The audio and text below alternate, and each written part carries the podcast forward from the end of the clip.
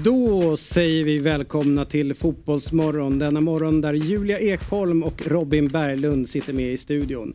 Vi gästas av diskomannen från Sundsvall som går igenom Sillynyheterna. Daniel Kristoffersson från Aftonbladet är det alltså. Max Bell, vår favoritdoktor, berättar om hur skönt, eller ska vi säga oskönt det är att sitta med plasthandskar på sig under en hel fotbollsmatch. Gatufotboll säger jag. Kenneth Storvik berättar då vad det innebär att hjälpa folk med drogproblem att kanske bli drogfria genom fotbollen nere i Helsingborg. Andreas Almgren, han den snabba ni vet, som både gillar AIK, Real Madrid och Arsenal. Han satte svenskt rekord igår på 1500 meter. Idag är han med i Fotbollsmorgon. Och sen så Simon Chippen Svensson från podden Della Sport berättar om läget i Malmö och hur det är att vara MFF-supporter och vad han egentligen tycker om Pontus Jansson. I studion alltså Julia, Robin och David Fjell. Välkomna in i värmen. Fotbollsmorgon presenteras i samarbete med Oddset, betting online och i butik.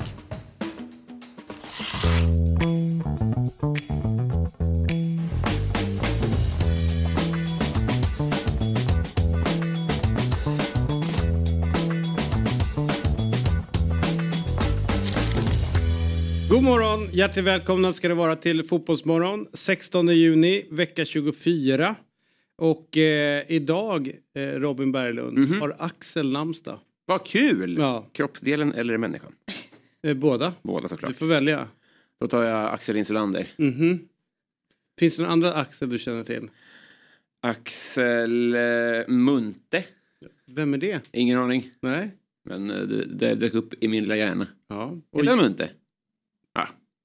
Ja. och den med, med, får vi säga, störst eh, fotbollsframgångar och kunnande inom fotboll här, Julia. Ja. Mm. Vem, Tack för den. Ja, vem har du som eh, eh, Axel, referens? Vem är min?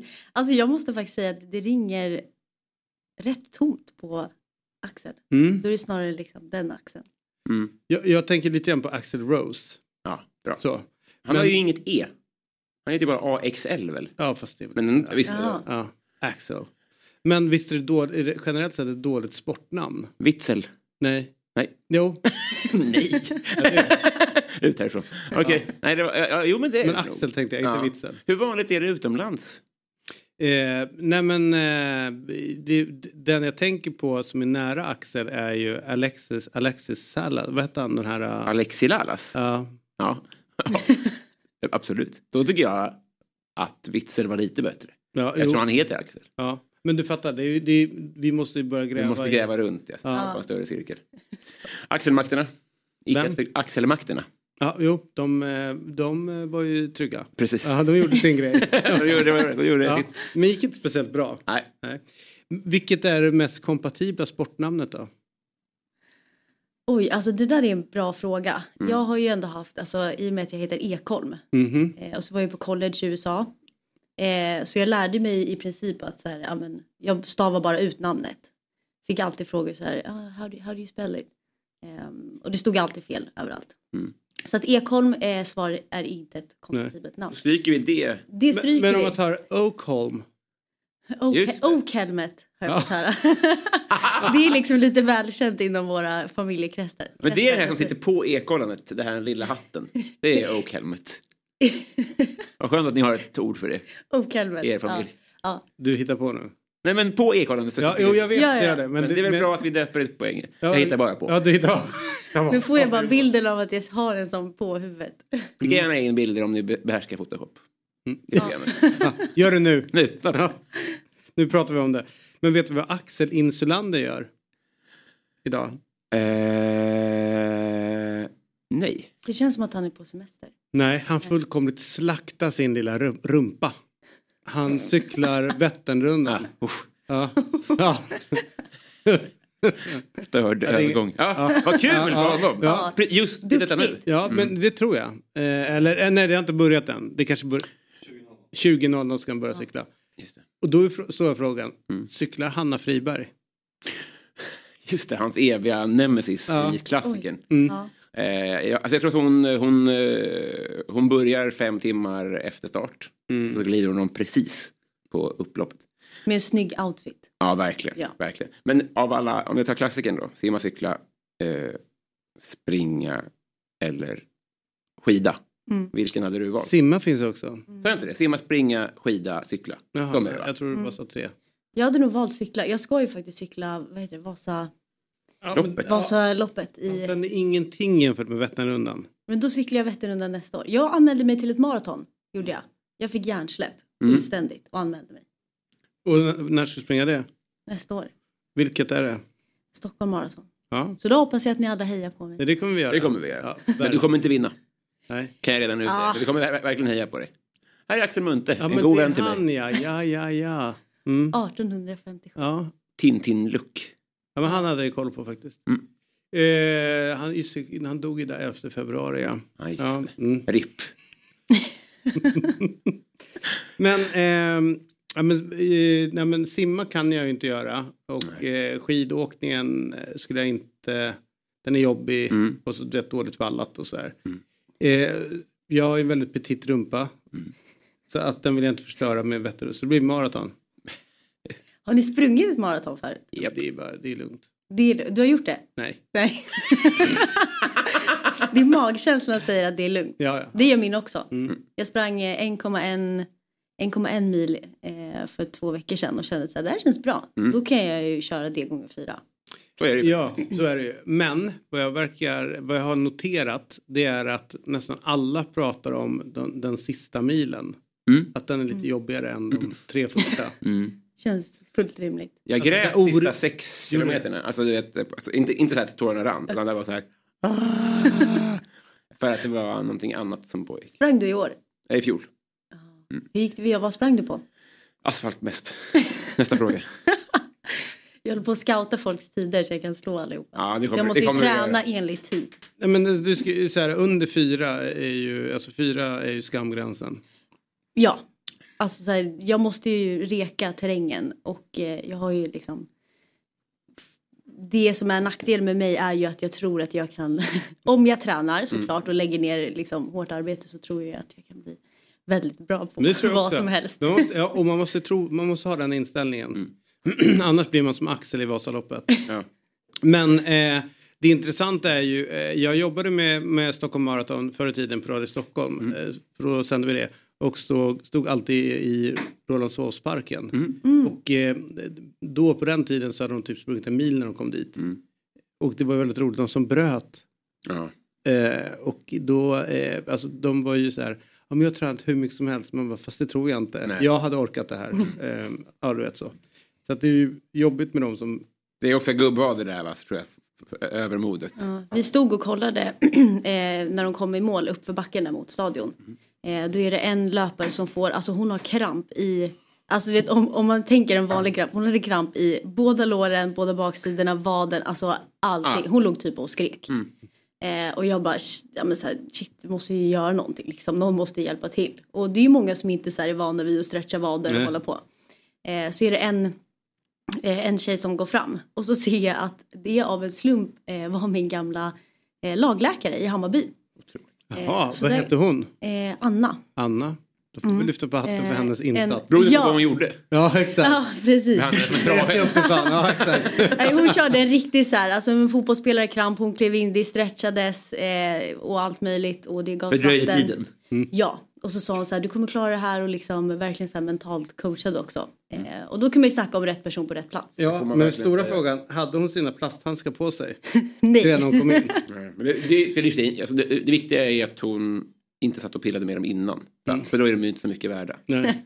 Nej, shoutout till Anna alltså. Ja, verkligen. Rätt faktiskt. person på rätt plats. Ja. Svenska hjältargalan. Såg ni efter matchen när eh, Spanien hade vunnit mot Italien i eh, Nations League? Mm. Eh, läkaren som var inne på plan och sprang. Nej, det, då måste jag stängt av precis då. Ja. Nej men han var inne och firade dem med, Ja. med laget. Ja. I sina, i sina plastvantar. Så dumt. Ja. Jag tänker också, de, de var blåa också. Ja. Men varför, eh, varför springer man runt med dem hela tiden? de sitter ju alltid på hela matchen. Ja. Och det måste ju lukta så unket. Man vet ju själv Ja, men vad man tänk vad svettigt det måste bli. Ja. i handskarna. De måste ju ha sådana riktiga badhänder. Kan vi inte ringa upp Max Bell och reda ut det här nu Viktor på något sätt? Alltså varför går de runt med de här vantarna? Varför de på sig he- hela tiden? Ja. Det är kanske en stolthet i yrket. Att Ja. jag är läkare, lite som läkarrocken. Fast Men borde de inte heller ha stetoskopet på då? alltså det hade varit mer rimligt. 1000%. Eller hur? Och en sån tecknad lampa. Nå, ja men någonting. Så här, Okej, hjärtstillestånd eller det, hur är Ja. pulsen på den här? Ja. Någonting. Nej, då ska de få så här, fast. Okej, och så här, ni hamnar på eh, en öde ö. Kul. Mm. Ja. Och eh, ni, det är två stycken födelsedagsbarn Mm. idag som eh, ni får välja. Eh, antingen tar ni med er båda Mm. eller en utav dem. Är vi på olika öar? Är vi på Nej, nej, nej, nej. syd och nord? Ja, så är det verkligen. Ja, Du är nord och du är syd. bra. Och det är två födelsedagsbarn, vi får bara ta med ett. Ja, okej, vi gör, man Eller? måste bara välja ett. Okej. Den ena är Marcus Ekengren. Legendar i Mjällby. Spottade, fullkomligt spottade in mål under hur många år som helst. Mm. Han får du. Jag hoppas att den andra är roligare. vi kan nog och den andra är Tupac. Yes! Yes, perfekt. Ja. Är, det, är, det, är valet så givet? Alltså ja, det skulle jag säga. Tar du Ekengren? Ja. Mm. Och jag tar Tupac. Mm. Vad, hade, vad, vad tror ni på riktigt att ni hade pratat om? Det här är typ vecka två. Ja. Ni har liksom gått igenom karriärer, alltihopa. Vad, vad hade man landat i med, med Tupac respektive Marcus Ekengren? Bra. Det, det är en väldigt bra är det fråga. Ehm, hade man landat i den här diskussionen om jag som mittback versus forward, hur mycket cred de faktiskt får när de spelar För så lite eh, för effort. så lite. Ja, alltså de ska göra mål. Ja, Ekenberg, förlåt. Sa jag Ekengren? Jag vet inte. Nej, Jag tänkte Ekenberg, Marcus Ekenberg. Ja. Ja. Nej, men den här eviga diskussionen om att forwards med glimten i ögat, de ska göra mål, de gör mål, blir hyllade. Mm. En mittback är mittback eh, och blir tokstraffad om det blir minsta lilla fel. Kan aldrig vinna Ballon d'Or typ. Typ. Nej, det är väl bara Fabio Cannavaro. Men sen på damsidan har det varit lite fler som har vunnit. Ja, damsidan känns som att det är mer ut... Mer respekt för eh, Ja, backarna. mittbacksyrket. Ja, exakt. Och, och du då, Tupac, vad landar ni i till slut? Vilken Tupac får jag? Är det den eh, så in, innan han gick av daga eller är det liksom som att, som att han hade levt? Eller är det som att han hade dött och kommit tillbaka nu? Nej, du får när han levde. När han levde? Ja, innan han blev sjuk. Då skulle jag bara sitta så här, håll dig borta. Här, Sluta tjafsa med Biggie. Eh, För att du gillar Biggie bättre. Nej, men jag, jag tänker att han var inblandad. Ja, men också för att du gillar honom bättre. Jag vet inte. Jag, jag, jag, jag vågar inte ut. Det känns som att det är dumt att uttala sig. Eller, varför är det det? Eh, jag skulle säga till honom att eh, gör, precis som du hade tänkt. Ja. Jag vill inte fucka med tidslinjer eh, och sånt. Oj, oj, oj. Ute på djupvatten. Jag hade bjudit in, om vi hade varit eh, nord och syd så hade jag bjudit in till eh, tävling. Okej, okej. Ja. Vet du vad jag har gjort? Vad hade du gjort? Skickat hit till gränslandet. Utan att tveka. Det här Då hade, jag, då hade jag gett dig en blodsänd. Det kan jag leva med. Ingen kommer rösta på mig i alla fall. För du vinner tävlingen. Jajamän. Är immun. Jag är gärna röd i ansiktet då. Men du, eh, så här, Ekenberg. Eh, vi, vi vill ju ha med honom nu på länk. Men han jobbar natt. Så Att han har ett riktigt jobb. Ja. Så att han eh, kan tyvärr inte vara med denna morgon. Men vi hade ju hoppats på att vi kunde få gratulera honom. Ja, vi får skicka våra grattis eh, så här då. Ja. Har den äran på födelsedagen. Stor ära ska vi ge. Vet du vem mer vi har med oss idag då? Kenneth Storvik. Före detta vänsterytter i bland annat eh, Helsingborg. Han har spelat i Brann, Rosenborg, Viking. Eh, men nu håller han på med ett behjärtansvärt eh, projekt. Som heter eh, Gatulaget. Eh, mer om det eh, lite senare men eh, kort och gott folk som har det lite jobbigt. Så ser han till att de börjar spela fotboll istället. Strålande. Det är jävligt bra. Det är som hon i Fock-Farsta där. Som efter skjutningen i Farsta öppnade upp liksom Fock-Farsta till spontanfotboll. Så folk kunde träffas och prata och sådär. Bra grejer med fotboll. Mycket bra. Mm, Sen kommer eh, Diskomannen också. Just. Från bladet. Daniel Disco Kristoffersson. Ja. Han är från Sundsvall eh, från början. Mm. Och eh, tänker jag att Julia borde väl ha någon form av connection till Sundsvall via din bästa kompis och hennes familj som har bott typ där. Ja, Mm. Så hur är din relation till Sundsvall? till? Sundsvall.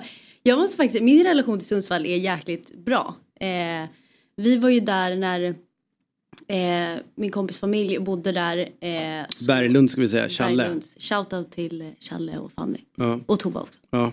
Ehm, och eh, vi... Så är mamman. Som är mamman, Mm. ja. Ehm, Som för övrigt Ja. är dotter till Stig H. Stig H Johansson. Är inte det coolt? Satan, Ja. idel ädel idrottsmodell. Ja, eller hur? Ja, verkligen. Idrotts, hela, hela köret. Mm. Ehm, nej men den är bra till Sundsvall. Vi var där uppe när vi var, jag tror att Fanny är ett år yngre. Eh, så jag och min syrra, vi var 17 år. Eh, och det var gatufest i Sundsvall. Vilket vi tyckte var svinkul. Mm. Eh, men vi var ju inte 18. Nej, Eh, så det var ju ett stort problem. ni drack ju inte. Eh, enligt eh, officiella uppgifter, nej. Ja, det. Men det är väl ingen åldersgräns på sockervadd vad jag känner till. Nej, men precis. Man kan ha kul ändå. Man kan Ja. ha kul ändå. Eller? Eller? Eh, nej, så vi hängde runt där. Sen har jag varit uppe på bortamatcher. Mm. i Sundsvall. Eh, det är en okej bussresa. Det funkar. Tur och retur. Ja, bra. slogan. Tur, ja, eller en okej. en- Det är en okej bussresa. Helt okej. Men Ja. du, eh, så att där, eh, därifrån kommer han. Men vet ni, igår så blev det lite surr om eh, eh, svenska landslagstruppen presenterades i tisdags Mm. till VM i sommar. Det är match ikväll. Nej, nej VM-truppen, förlåt, nu är jag med. Just det. Eh, och eh, VM. Mm. Ja. Och då eh, så blev det ju såklart frågor givet liksom hur det var runt Qatar och regnbågsbindel eh, liksom bindel och, och det, den diskussion som var när herrarna hade. Så blev det ju frågor då runt damerna. Och då var det rätt många som sa att ja, men vi, kommer, vi kommer sätta på oss en regnbågsbindel och sådär. Mm. Och ta gärna ett gult kort. Då får de, då får de göra det. Mm. Peter Gerhardsson svarade att jag kan inte hålla på och prata om det där därför det har inte hänt. Och det får vi ta då liksom. Eh, Dumt att oroa sig för saker som inte har hänt. Mm. Men däremot Tess Olofsson, eh, VM-domaren, Mm. hon svarade följande på, eh, om, för att hon kan ju då hamna i ett läge där hon måste varna en spelare Mm. eh, för att ha regnbågsbindel eh, på sig. Just det. Då svarar hon så här. Jag hoppas man kan hålla sig utanför det, alltså politiken. Och bara fokusera fullt, fullt ut på själva fotbollen. Och inte då politiska budskap. Det var Mm. liksom, eh, det sa hon till Radiosporten. Hur ser ni på den här, eh, den här situationen? För den kommer ju börja diskuteras till sommaren. Mm. Vill du börja? Eh, olika tankar i huvudet. Personligen tycker jag att det är tråkigt. Eh, Att de ska ha eh, den där på sig. att man blir, snedrygg om man har... Jag, tycker, jag personligen hade jag haft den på mig och tagit ett gult kort tror jag. Jag är för dålig på fotboll. Eh, så jag, jag har tagit en, eh, Och sen så tycker jag att det, hon har, hon har all rätt i världen att tycka vad hon vill. Det är väl kanon att hon står upp för sin egen åsikt. För det tredje, om man tar bort Tess Olofsson ur ekvationen så undrar jag om, liksom, om man som domare känner en press. Eller har liksom svårare att uttrycka sin egen åsikt. Om man liksom är, hon är ju anställd, eller hon jobbar på, på ett helt annat sätt på uppdrag av Fifa här. Mm. Och då kanske det är svårare att bara, för jag kommer att stötta den här, alltså du vet bryta mot bestämmelser eller vad det nu är. Hon måste ju svara så här tänker jag. Ja men visst är det lite Ja, så va? Lite så. Du, ursäkta jag avbryter. Ja. Därför att eh, vi, vi, vi hoppar tillbaka på det här. Mm. Därför vi har ju vår, Sveriges enda eh, riktiga läkare med oss. Förutom eh, din gamla lagläkare. Ja. Precis. Men, men, Anna. Anna. Anna. Fast, eh, typ. Nästan är hon på samma nivå som Mm. Max. Ja, visst. Ja. För här är ju ändå Max Bell. Och Max, vi har egentligen inga större frågor idag än det här med, eh, är du kvar i Italien förresten? Eller det här ser ut med... Ja, Nej, det är det. Det var vår enda fråga, tack för det. Ja. vi Det var det ni problem. ville veta. Jag är kvar i Italien, det är korrekt. Andra frågor? Om andra länder kanske? Ja, eh, nej men så här är det. Vi är lite pressade över att eh, lagläkarna sitter med plastvanthandskarna på. Redan Ja. från början på bänken. Varför Ja. gör man det? Ingen aning. Det, jag tror att det har blivit en grej som man ser bland eh, folk som gör burritos. Då ser man att de har plasthandskar på sig. Mm. Har ni tänkt på det? Ja, Eh, och, och andra så här YouTube-matlagare har det. Samt eh, läkarna som sitter på bänken. Jag tror att det är liksom eh, har blivit en grej mer. Alltså, men, men hela liksom om idén man- med att, att eh, liksom, det är ju av en hygienfaktor man tänker att man sätter på sig Ja. de här. Och då tänker jag att man ska Precis. ta dem precis innan man utför handlingen som, som kräver eh, liksom renhet. Exakt, du, du, nej, men du har helt rätt. Om man sitter med de där handskarna hela tiden på sig och så sitter man liksom och Petar sig i näsan. mobilen, De petar sig i näsan.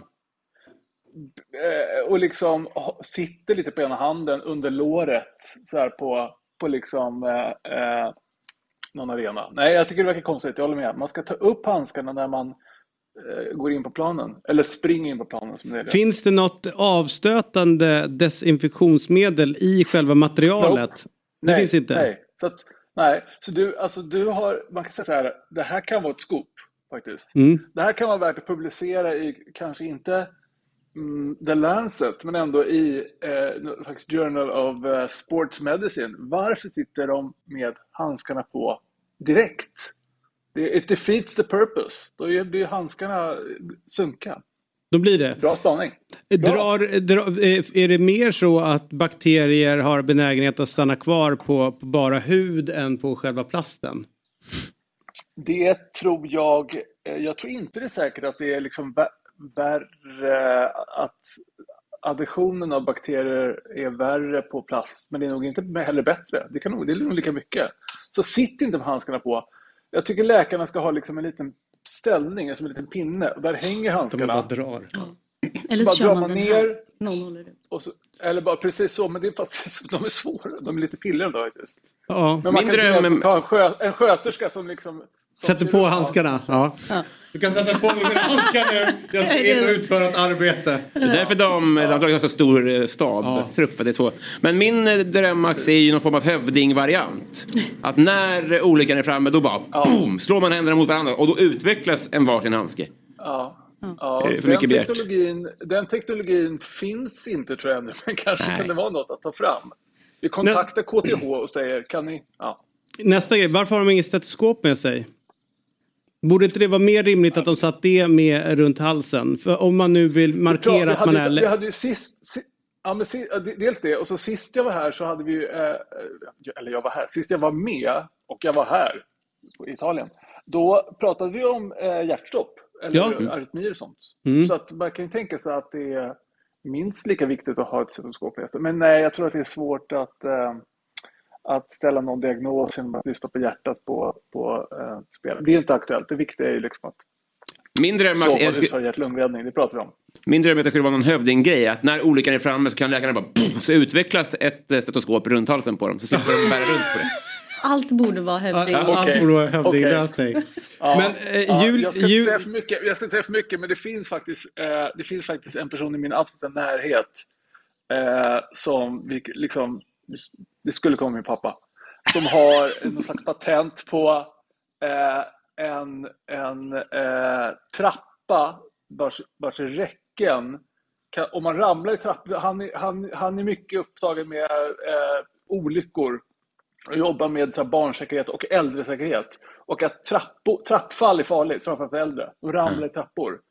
Och då finns det liksom, har han någon slags patent på att det kan fällas ut som en hövding ur trappräckena. Så man liksom fastnar.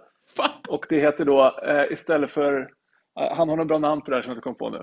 Det är jättesmart ju. Ja. Typ sta- jo, stairbag tror jag, istället för Stairbag. airbag. Stairbag. tror jag hans. Ja. Och då, känner, och då känner, och den där känner av då att det är tryck på trappan och sen försvinner trycket. Ja. Och då... Ja, och så, och någon slags hastighet. Och därför har jag sagt att om man springer snabbt ner kan man fastna då. Det, är- jag har inte fått något riktigt bra svar, så jag vet inte. Det där, jag har inte sett det Spring kommersialiserat. ej i trappan.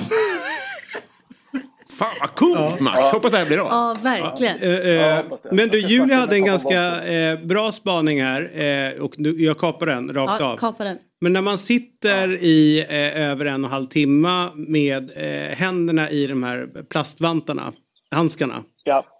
ja. Hur eh, blir klimatet för handen då? Det är jättekladdigt äckligt. blir det. Ja. Det är väl lite här, är det inte här lite pulver, typ babypuder i också för att man... Nej, det, det är det i kirurgiska, i kirurgiska eh, latexhandskar är det som ett puder i så att man lättare glider in. Och det är inte det de där eh, engångshandskarna som, som, eh, som man har vid enklare eh, ingrepp på sjukhus, som vi har hela tiden på sjukhus. Och som de, de där lagläkarna har, det är inte det. Så att det blir jättekladdigt äckligt. Ja, det här är, Vidrigt. det Beklagligt. är ju verkligen det. Så att väldigt bra spaning tycker jag. Bra, bra spaning både ur någon slags komfortperspektiv, Julia, tack, och även från dig David, ett slags, ett mycket allvarligt hygien, en hygienfrågeställning. Mm. Ja. Snyggt, Tack. tycker jag. Härligt. Eh, Njut av livet där nere. Eh, När är du hemma i Sverige igen? Jag kommer hem faktiskt sent mellan lördag och söndag. Så att om du, om du kan köra fram en bil på Arlanda där vid midnatt mellan lördag och söndag så, så, och komma och hämta mig. Så är det ungefär då. Så, så jag kommer snart hem tillbaka till Sverige. Eh, ledsen, jag har ju börjat mitt krökande inför midsommar då redan. Så får jag, Fattar. Jag fattar. David kommer med handskarna Nej, på. exakt, vi handskar på. Så här. Ja, härligt. Vi, vi håller kontakten helt enkelt. Absolut, absolut. Vi hörs snart igen. Ja, det gör vi. Hej då Max! Hej då! Ciao! Utmärkt. Något som är väldigt roligt med just liksom med personal på matcher, om ni har sett det. Eh, generellt, finns det någon som springer snabbare på plan än med Ja, personalen de är när de ska springa in på plan? Och med två väskor. De är sjukt snabba. Ja. Eh, men oftast är ju det, är det inte så att det är naprapaterna som är först framme? Eh, Det är ju sällan läkaren Ja, det som går in och gör någon form av så här okulär grej. Liksom. Ja, lite så här, hur är läget? Och så kör man antingen kör man det är lugnt. Eller nu, Exakt. nu, Nu nu är det gör allvar. det ont. Men någon grej som har kommit tillbaka som jag är väldigt glad över att den just är tillbaka är ju kylsprayen. Mm. Den var ju jättestor en gång i Mm. tiden, sen försvann den bara bort. Men nu är den ju fullt ut tillbaka. Ja, The. Magic Spray. Mm. För folk kan ju typ vara mer eller mindre, eh, alltså man tror att de har dött. Mm. Och så kommer de bara fram och så sprutas det, sen ska Ja. man igång. Blanda ihop sprayen också. När man, har, man har ju både eh, beep, alltså det här hornet från läktaren, den sprayen. Ja, den. Och sen har vi också frisparkssprayen. Är det den här klistersprayen? Nej, Nej, frisparkssprayen är ju... Lin- Ja, ja, ja, frispark, ja, ja. Men den har ju inte de naprapaten riktigt. Nej, men om man blandar ihop ute i Ja, katakomberna. Men du har ju i alltså du har ju ofta en klisterspray som du sprayar innan om du typ tejpar fot eller knä för att tejpen ska hålla bättre så sprayar du en kladdig spray. Ja, just innan. det. Skämt. Som en Spiderman. Som en Spiderman, eh, ja. Mm. Funkar jättebra om man eh, vill ha strumporna lite högre upp också. Ehm, så den Så kan man ju de glider ner. Så om du vill ha strumporna som eh, Henri Ja, eller Adrian. Ja, du att de inte rullar ner. Då sprayar du knät med klistersprayen och sen drar du upp. Vi hade en, eh, det var till slut så många som använde den sprayen till fel saker, alltså till just strumporna i Hammarby så att eh, vi blev bannade från, han tog bort den ur lådan. Kan man sätta upp affischer med den? Eh, ja, alltså det är kladdigt och det sitter ju i, alltså den kladdigheten sitter ju i några dagar. Så att så här, är man tjej och liksom ska raka benen så känner man vart man har sprayat. Vi måste beställa hit den. Ja, ja, ja. Testa Ja. vad man kan använda på Ja. användningsområdena. Testa kylspray, klisterspray. Kylspray har jag varit väldigt svag för länge. Det är kanske det man ska köra nu istället för fläkt. Vi hade ju en, det här är ju väldigt låg nivå och det händer fortfarande inte så, men vi hade ju det här, och det måste jag ändå säga, det är 90-talet. Ja.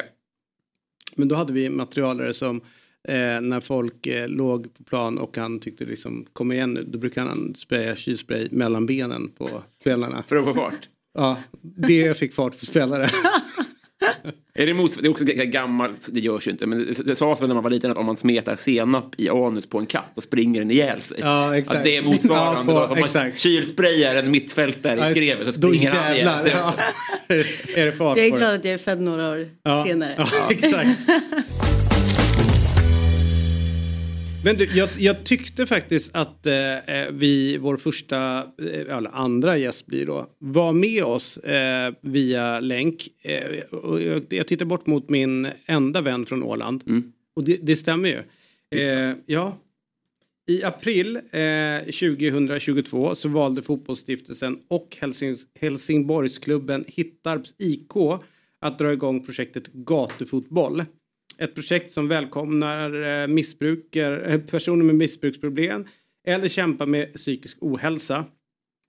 Enda kravet Mm. det är att man dyker upp eh, och, nykter Mm.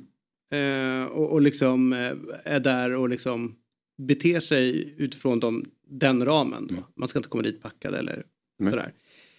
Och det har gått ett år nu eh, och eh, med oss för att sammanfatta eh, första året har vi initiativtagaren och grundaren av fotbollsstiftelsen Kenneth Storvik. God morgon, varmt välkommen till Fotbollsmorgon Kenneth och det här är ju nästan en större grej det du gör nere i Helsingborg än att vinna SM-guld eller vad säger du? Ja, på många mått så, så är det ju det. Det är två helt, helt olika saker. Det ena är rätt oviktigt egentligen och det andra är, eh, är jätteviktigt och fantastiskt innehållsrikt att få vara med om.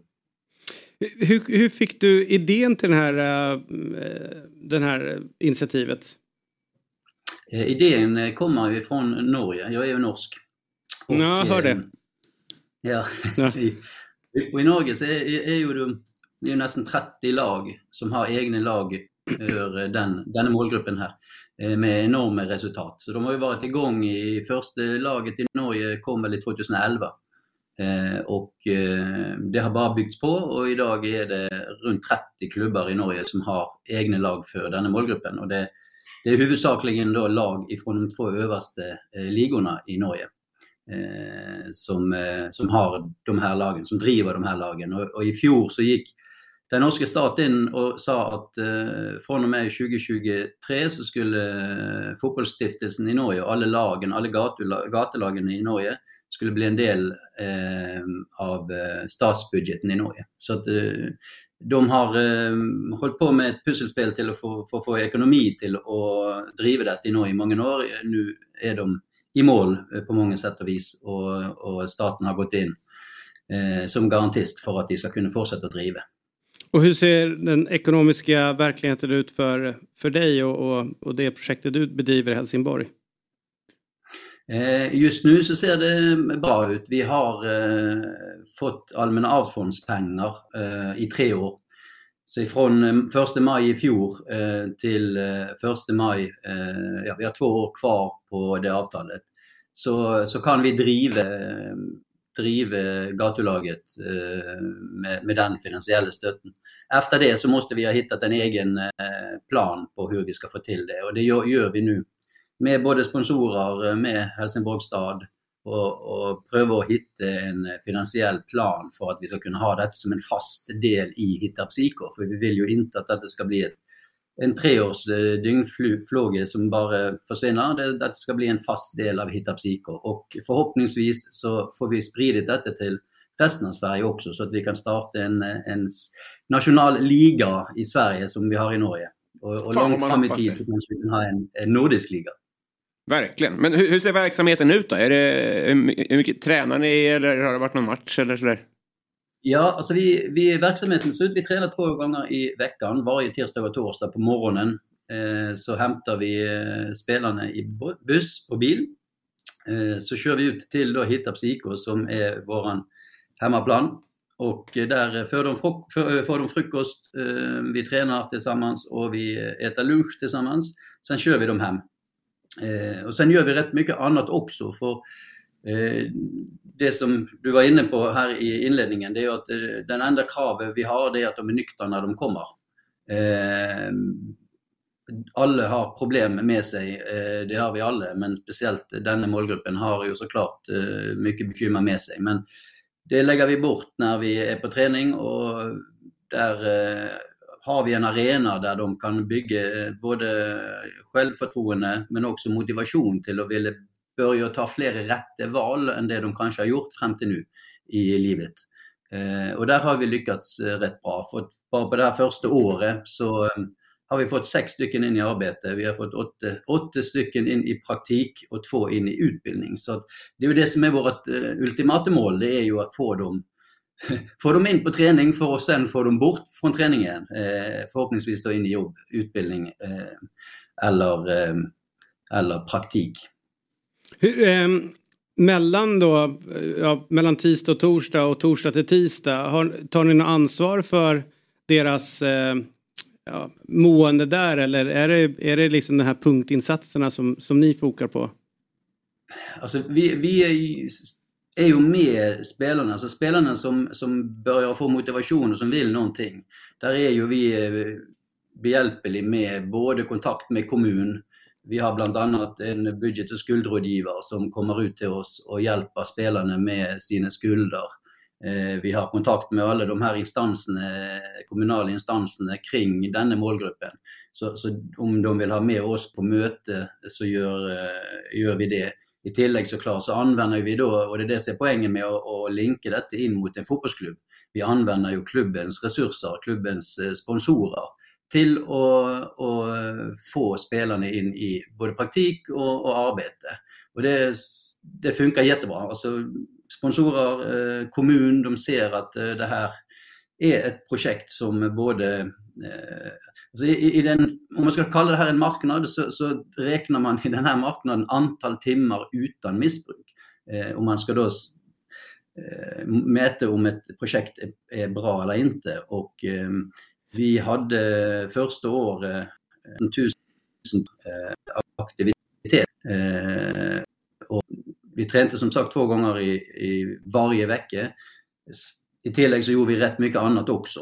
Eh, vi var vakter på olika arrangemang för att tjäna pengar till, eh, till det. Men också för att vi skulle hitta gemensamma aktiviteter så att vi bygger en eh, bra eh, gruppdynamik i gruppen och så att de här människorna har ofta bara haft andra missbrukare som kontaktflate i sina liv. Nu öppnar vi upp för en helt annan typ av, eh, av social kontaktflate där de kan eh, knyta sig an till människor som inte har den här problematiken och som lever ett så kallat normalt liv, som, som vi då kanske känner till den. Det, det jag tyckte var härligast när jag såg eh, några av dem som du haft i träning, det var den genuina glädjen de kände till att på något sätt få en, en meningsfull sysselsättning och att det var att de såg eh, att det inte var tvingande på något sätt utan det var den rena och skära glädjen till, eh, till fotbollen och just, just eh, ja, det här initiativet. Vad, vad säger du om liksom, hur mycket betyder det? För, för annars är det liksom massa krav bara, liksom att de måste sluta göra massa saker. Men här tillför ni ju någonting. Det blir ju ett annat perspektiv ja, på något sätt. Det blir det. Ehm, vi ser det att ehm, allt, allt vi gör det är frivilligt. Alltså, det är ingen som måste göra någonting hos oss. Ehm, det är som sagt det enda kravet är att de är nyktra när de kommer. Och, jag ser ju också det att eh, det är inte bara det att vi, alltså vi gör detta för att vi tycker att de är värda det. Och det är väl en sån sak som jag tror många av dem inte har upplevt innan. Det är det att någon tar dem ju faktiskt helt seriöst. Och det är det vi gör. Vi tar dem seriöst på alla sätt och vis. Vi har krav till dem när de kommer, eh, att de ska vara nyktra. Vi har eh, tre ledord som är jätteviktiga för oss. Det är respekt, tolerans och inkludering. Så hela tiden jobbar vi efter respekt, tolerans och inkludering i allt vi gör. Och eh, efterhanden så, så lär de sig det och efterhanden så blir det en enormt inkluderande grupp som tolererar varandra och som respekterar varandra. Så att vi, det, det, är helt fantastiskt att se när man är på träning så gentas ofta de här ledorden eh, bland spelarna. Eh, och man kan se utvecklingen hos dem också där de mm. går ofta över från att tänka jag till att tänka eh, oss. Som är jätteviktigt om man ska kunna klara att ta den processen det är att gå från ett missbruk och in i, i i ett icke-missbruk och ett fungerande, en fungerande vardag så är det enormt viktigt. Det är det här att gå över från jaget till vi och oss istället. Har du, är det några av dem som är i träning där som är riktiga talanger? Nej. Jo, alltså, det, är några som, det är några som har spelat fotboll innan som, som har mycket boll i sig såklart. Eh, men men vi, har, vi har ju människor som, som inte har spelat fotboll så mycket innan. Eh, där gäller också precis detsamma. Där touchar vi bort inkludering. Alla ska vara med oavsett. Så vi, vi tänker ju inte resultat. Eh, vi förlorar rätt mycket. Vi är med i en sjumannaturnering eh, arrangerad av Skånes fotbollförbund. Eh, vi förlorar jättemycket, eh, stort sett alla matcher.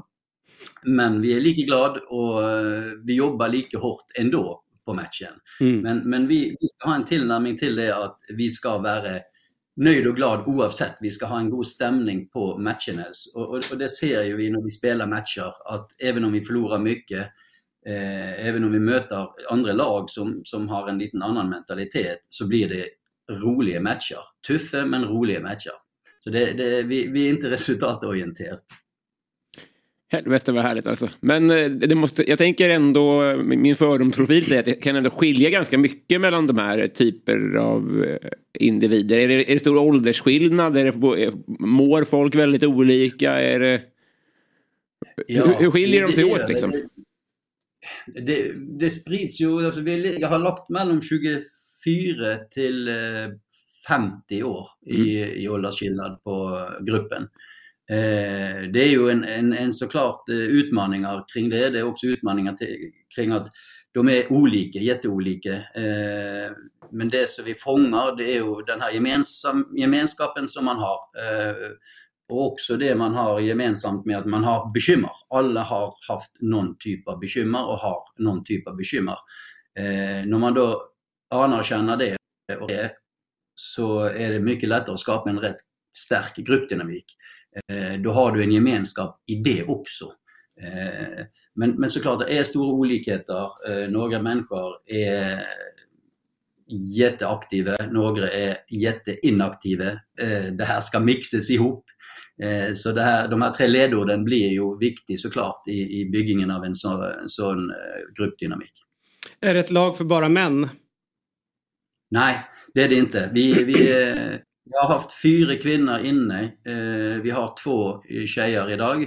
Eh, där är på väg in fler. Vi jobbar rätt aktivt med att få in tjejer. Både identifiera kvinnliga missbrukare som, är, som jag vet är svårt. Jag vet att Norge, de norska lagen har precis samma svårigheter och, och jag vet att de, de olika kommunerna har svårigheter med att både identifiera kvinnliga missbrukare men, men också få dem in och, och få dem till att ha ett önske om hjälp.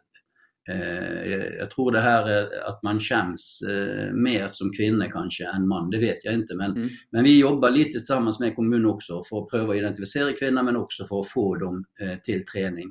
Så det är vi aktiva på. Men per idag så har vi, har vi två som är fast, som kommer varenda träning. Vill folk lämna missbruk och, eh, och, och vad kan det röra sig hemlöshet eller psykiska problem. Alltså vill folk liksom ta sig ur det där? I regel? Ja, ja jag tror att innerst inne så vill nog alla det men det är många som tror de vill det men som inte är där helt än.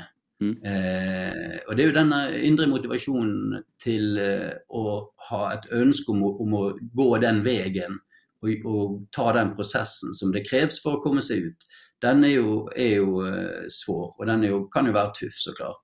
Eh, men, men vi, vi tänker tålamod är fruktansvärt viktigt för oss. Vi måste ha tålamod. Eh, är det återfall, fine, då är vi välkommen igen på torsdag. Det, det är inga bekymmer.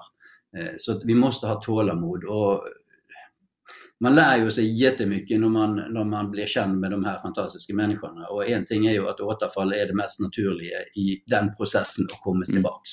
Så att, jag tror att, jag tror att alla innerst inne vill, eh, men så tror jag inte att alla har motivation när, eh, till att, att klara det, även om de tror det.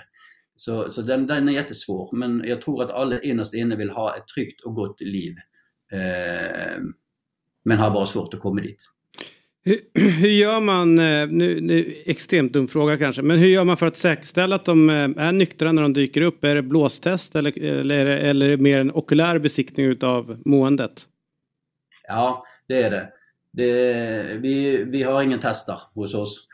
Eh, det, det är ju ett, en av utmaningarna, det, det finns ju någonting som heter LARO, som är en lä, läkemedelsassisterad eh, behandling där du får läkemedel som en del av din behandling. Eh, då är du ju på något sätt påverkad av medicin, men du är ju inte synligt påverkad. Eh, de människorna är ju såklart välkomna, för det är ju en del av deras rehabilitering. Men vi, eh, vi har en inre justis i gruppen som har visat sig vara stark.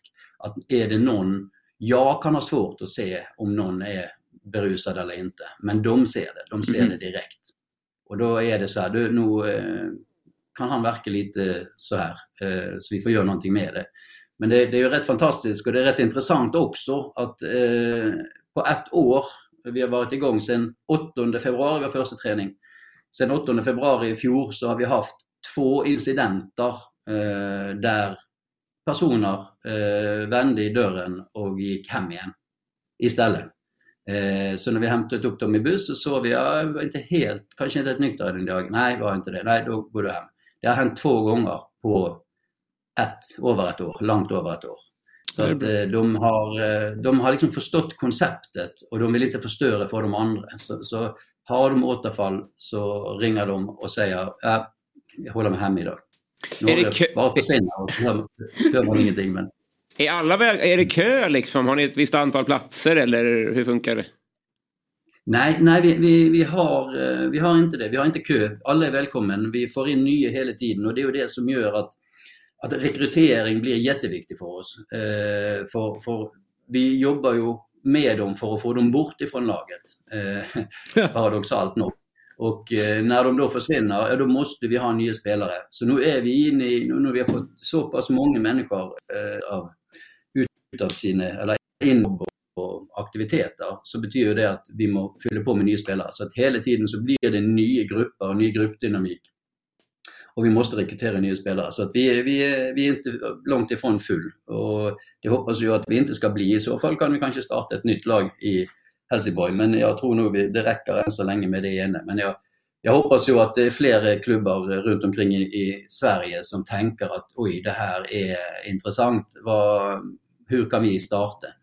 Eh, då är det jätteviktigt att de bara ringer till oss, tar kontakt med mig, eh, hittar psyko, så kan vi hjälpa både i förhållande till kompetens eh, och hur vägen ska se ut framöver. Vi har ju en del rutin i detta nu efter ett år och har ett fantastiskt samarbete med Helsingborgs stad. Så eh, det är en viktig del för oss framöver nu. Det är också att rekrytera nya klubbar som kan starta och vill starta.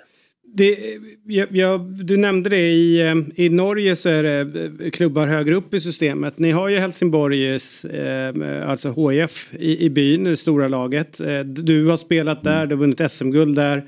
Varför är inte mm. de en del av det här? De tackade nej eh, till detta eh, när jag lade fram till dem den gång. Eh, därför så blev det Hitta Psyko. Idag är ju jag glad för att det blev Hitta Psyko för eh, det hade sina positiva sidor med att ha en, en klubb lite utanför stan med de faciliteterna som finns i, i, eh, Hitta, på Hittarps IP. Så, så um, har det blivit ett lyckat koncept. Uh, framöver så är det ju jättebra om vi får igång lite större klubbar för uh, effekten är lite större när du har en, uh, redan har resurser i klubben som kan ta hand om detta. För att det ska inte mycket till att starta upp ett sånt här lag. Det verkar kanske som eh, att, det är stort, men, men man kan starta ganska litet bara med träningar eh, och få igång det. Så vill det bygga på sig efterhand. Eh, och det är ett fantastiskt koncept som, som egentligen bara skapar vinnare. Det är, alla vinner på detta. Eh, klubben vinner, sponsorer vinner, kommun vinner eh, och sist men inte minst spelarna, eh, målgruppen vinner mycket på detta. Och det är, en ett effektivt måte att skapa värde för den målgruppen. Och samhället vinner. Ja, samhället vinner. Du, eh, Kenneth, Ja, bara, snabbt bara.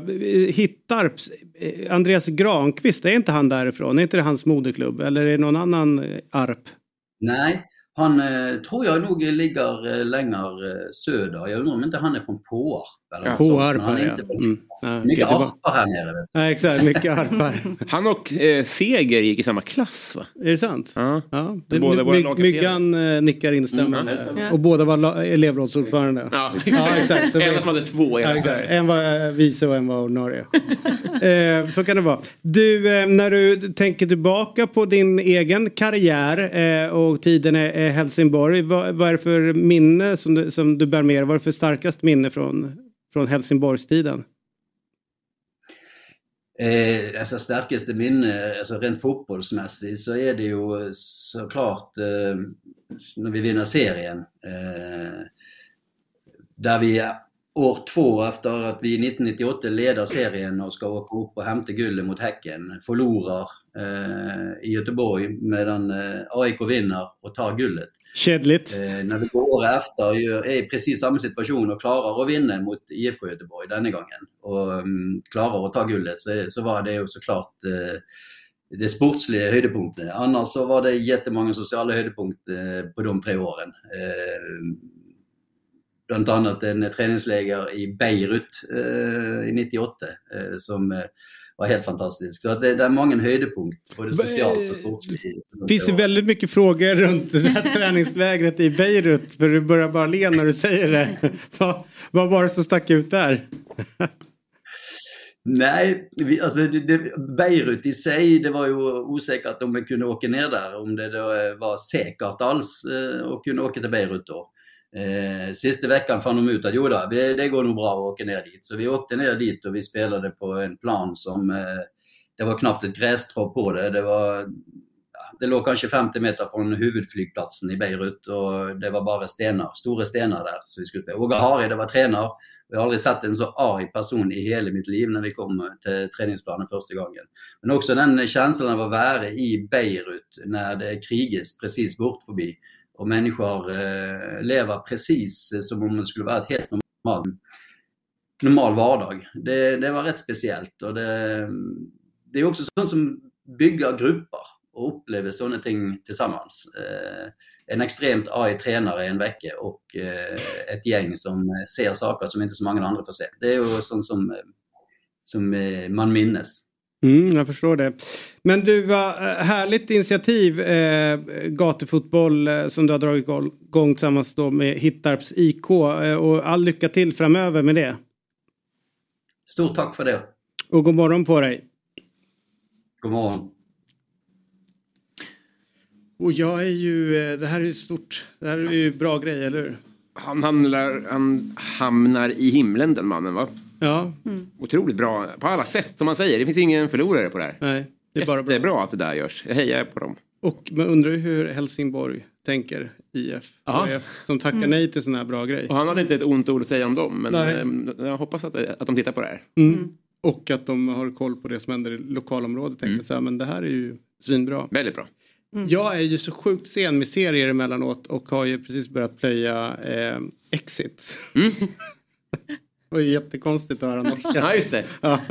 Och eh, ämnet han pratade om. Så tänkte jag bara, det måste ju vara någon av de där uh, huvudrollskaraktärerna. ja. De är ju på någon av de där rehabsen eller gatulagen i Norge. det, måste, det måste ju vara så. Nästa säsong. Ja. Gått undercover. Ja, exakt. ja, nej, så är det.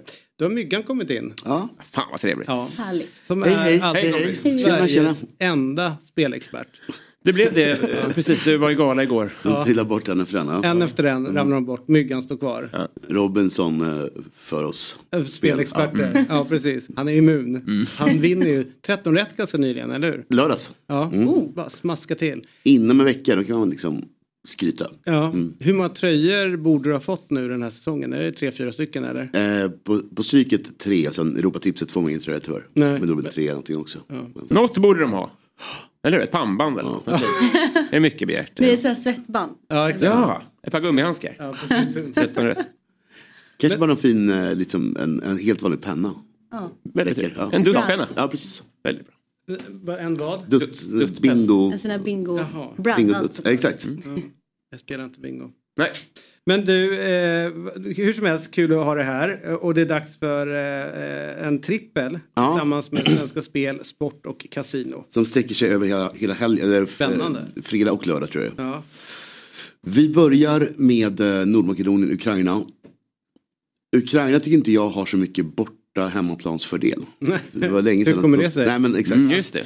Så den tycker jag är borta. Och Nordmakedonien är rätt dåliga. Mm. De har två vinster i rad. Det är Färöarna hemma och eh, eh, Malta hemma. Mm. Inte de starkaste. Inte de starkaste. Ukraina noll poäng efter en match i deras grupp. En svår grupp och de behöver poängen. Så jag tror de vinner. EM är ganska, tycker jag, ganska enkelt där. De större lagen vinner ofta snålt. 1-0 liksom, 2-1 liknande. Ukraina dansade ju upp eh, Tyskland på läktaren också. Precis så. Sista minuten straff mm. eh, tyvärr som gjorde att det blev kryss. Men, eh, men de ser så de. Och jag tycker oddset är superhögt. Verkligen. Ett till odds som är, som, är, som är väldigt bra. Det är Dalkurd här, 1,84. De möter Täby. Täby är duktiga, kommer från en vinst. Men Dalkurd eh, är ju suveräner i, i, ettan just nu. Så de håller verkligen handen. Jag tror de har sex i rad eller någonting. Mm. Så jag tycker det känns jättebra. Och sist och inte minst, Ungern, Montenegro. Det är en supersvår grupp med, med eh, England och andra lag i. Och där Ungern kommer att hänga på dem. Men Montenegro är för dåliga. På tok för dåliga. Härliga England. Ja. så det är även spik på tipset. Mm. Så att eh, 7,49 lite lägre. Förra veckan var det nio gånger pengarna på trippen. Den satte jag också. Mm. Och jag tror den kommer sitta också. Så att eh, 15 spänn. Så har du lunchen. Ja, exakt. Mm. Ja, bra uträknat. Ja, vi kör på. Ja, det, det, är så stökigt där borta med lunchen nu. De har ja. tagit bort viltskaven eh, och bytt ut den mot köttbullar. Och dessutom så höjde de korvstroganoffen i smyg. Ja. Nu i veckan. Från 69 till 79. Smyg. Inget pressmeddelande? Nej, det kan de ju meddela att Ja. köp flera nu för vi är på väg att höja. Det gjorde de inte. Nej. Men skaffa en ny eh, lunchindex till, till höst. Ja, precis. Spellunchindex. Den, den, fun- den här håller inte längre. Det är Nej. för röriga priser. Jag vill ha ett pris på alla luncher. Ja. Så jag kan gå efter det. Och så kan de ta bort 65 öre eller 95 öre på grejerna. Mm. Oseriöst. Oseriöst. Ja. Men det här är seriöst. Det här är seriösa grejer. Eh, en trippel som vi, eh, vi tror väldigt starkt på. Eh, fanns det några andra roliga grejer där ute? Alltså i Sverige, Nya Zeeland, finns den och, och Eh, ja, verkligen. Men det, det, den är inte så rolig spelmässigt tror jag. Eh, däremot ska vi spela Sverige-Sverige. eh, Halvtid, fulltid. mm. Tror du på det? Eh, ja, det tror jag. Är det någon som vet hur Nya Zeeland, är de bra eller? Wood har den väl. De har ju några, någon, ja, exakt, de har ju någon eller några Premier League Championship-spelare liksom. Mm. Men eh, nej, de är inte superbra. Men jag skulle säga. Men defensiva liksom, svåra att... Men är det inte så att man ner. kanske ska skriva, det är som så att det är kryss, kryssläge med tanke på att Sverige ställer upp med eh, eh, kanske inte sin starkaste elva utan det är eh, Ja, är det Ja. möjligt. Kenta och Jag har lagt noll Allan. energi på den. För det, är Träningsmatch. väldigt mycket träningsmatcher över. Ja. Ja. Jag tänkte tvärtom. Att si- sist, eh, I senaste matchen när vi vann med, vad blev det 4-0? Mm. Ja. Då, då kom ju liksom hela den här B11 in på slutet. Då gjordes ett trippelbyte. Och de var ju bäst i stan. Och Det var ju då Jesper så. Karlsson gjorde den här frisparken. Så Ja. de är ju jättesugna på att visa som framfötterna. utlöste Precis. Ja, det skulle han inte ha gjort. Är du nöjd nu Jesper? Ja, exakt. Är det. landskris. Ja. Nej men så jag tror att vi kommer, jag, tror, jag, jag är med det. Ja. Det kommer piskas nya zeeländare.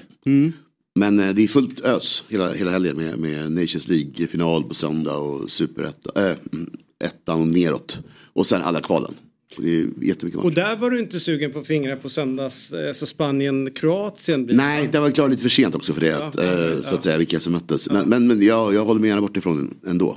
Men om man ska prata om den lite grann, Mm. eh, Nations League-finalen, det som var ganska liksom bespottad grej, vad fan, ska de dra igång en Nations League, vad är det för något? Men såg ni scenerna igår? Mm. Ja, det gjorde väl inte, jo, kanske gjorde det. Efter matchen. Spanien jublar ju som om det var en medalj. Ja, ja, visst. Alltså, det var ju ute på, liksom, ute på planen, det var kram, läkaren ut med sina eh, handskar. Mm. Eh, och sen så ställa upp och, med fotograferingar och jätteglädje. Så att Nations League har verkligen Ja, och dagen innan var det jättebra matcher där med, med Kroatien och Holland. Mm. Det var ju, nej, men, verkligen. Men det är kul för de som vinner, men de som förlorar verkar inte bry sig så. Det, det är väl det fortfarande. De, det, Machine det, såg lite upprörd ut. jo, ingen gråter ju liksom. Nej. I. Det är alltid kul att vinna. Ja, så är det. Ja och någonting när Sverige blev nerflyttade till C-divisionen. Det känns ju som att det låg ju lite Janne i fatet. Ja, Ja. men också mer en självkänsla på något sätt att man är där nere och härvar. Mm. Men man egentligen skiter det. Jag tror till och med det är bättre ranking, alltså Ja, ja, ja. rankingmässigt. Att vinna, att vinna C-gruppen Mm. och liksom köra över alla lag där än att liksom vinna sig. 50 procent av matcherna i B. Ja. För du får ju poäng för ja, vilka matcher du vinner, eller hur många du vinner. Ja, precis. Så det kan ju vara bra att gå ner en division. Ja. Och jag är stort fan av upplägget. Jag tycker det är kul att se. Alltså jag älskar de här sista grupperna. De är ju jätteroliga. Alltså de sämsta. Ja, de, de två, Typ tre sämsta. Färöarna mot... Eh, Ja, men det blir kul tycker jag när det är Färöarna, Estland eller någonting. Mm. När det är jämnt. Håkan Eriksson är kung i en liten damm. Ja, precis så. Precis så. Och liksom, ja, men jag tycker det är jättekul. Gibraltar är liksom favoriter hemma mot någon. Många av oss liksom- visste inte ens att Gibraltar var ett eget land. Nej, precis så. Men det får vi reda på där, i, D-divisionen. Jag tycker det har varit superkul. Spelvärde.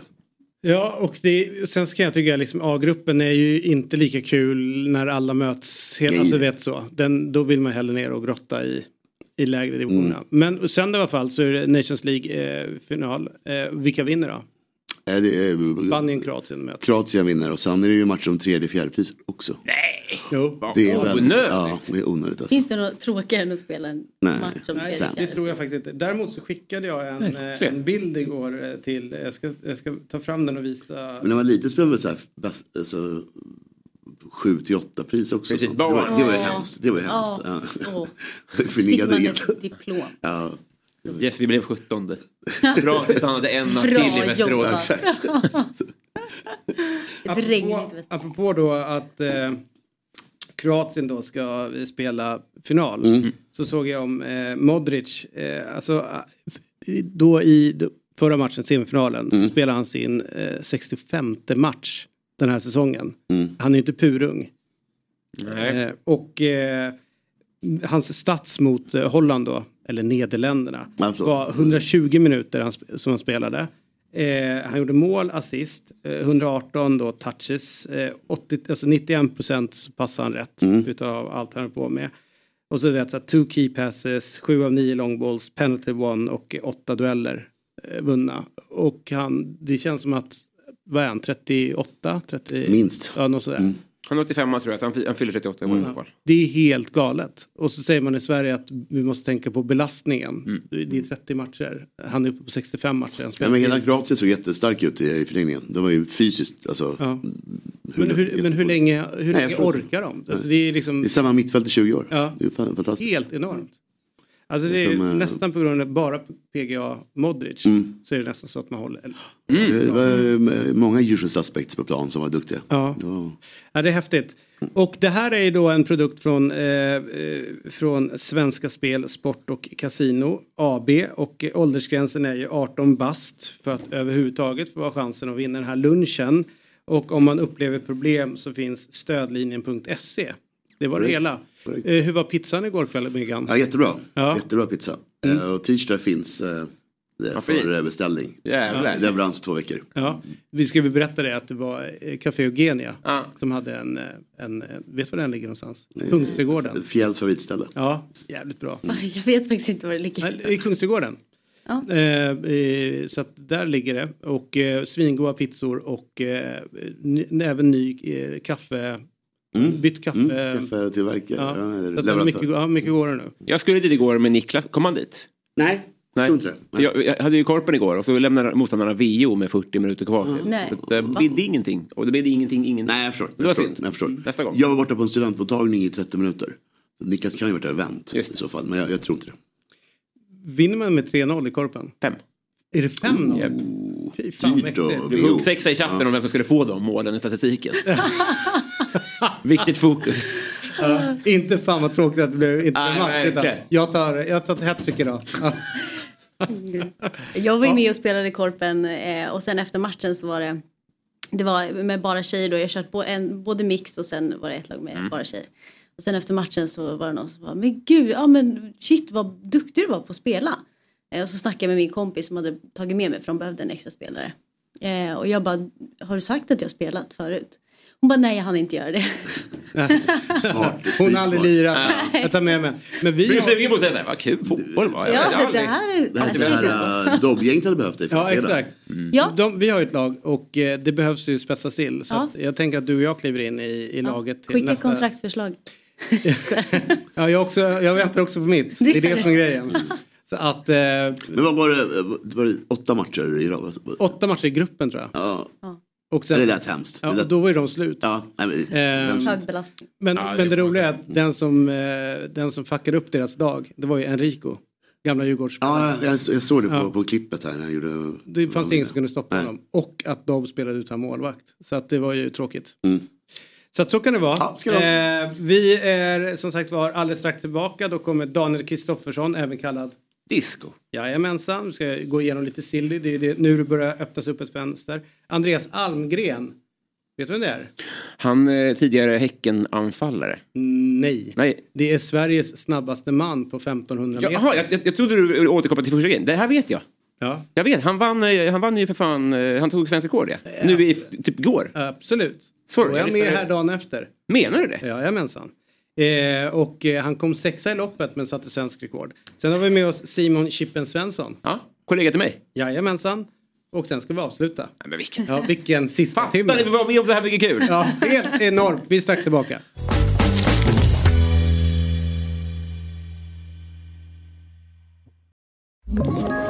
Ett poddtips från Podplay.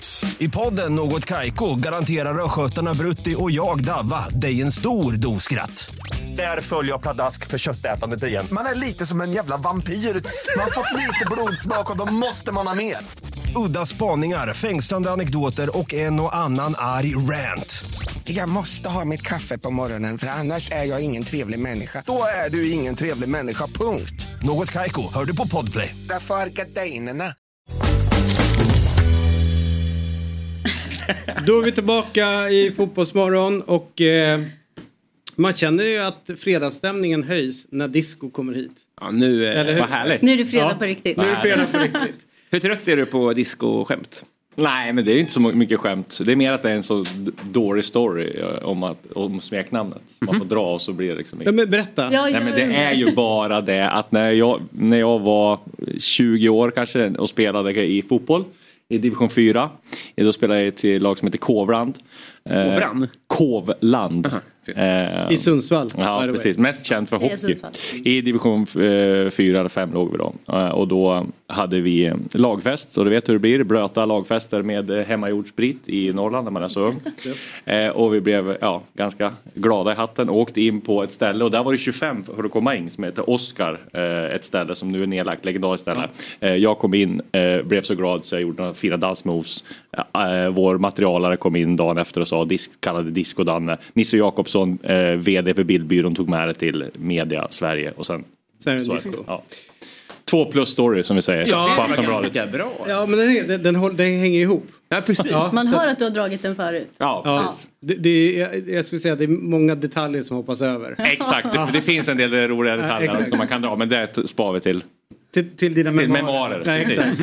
Jobbar på Aftonbladet och apropå Silly så är de, en av de största Silly-grejerna det var ju när du lämnade Expressen för Aftonbladet. precis.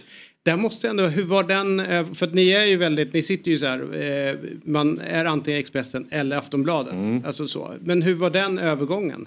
Ja, det var ju...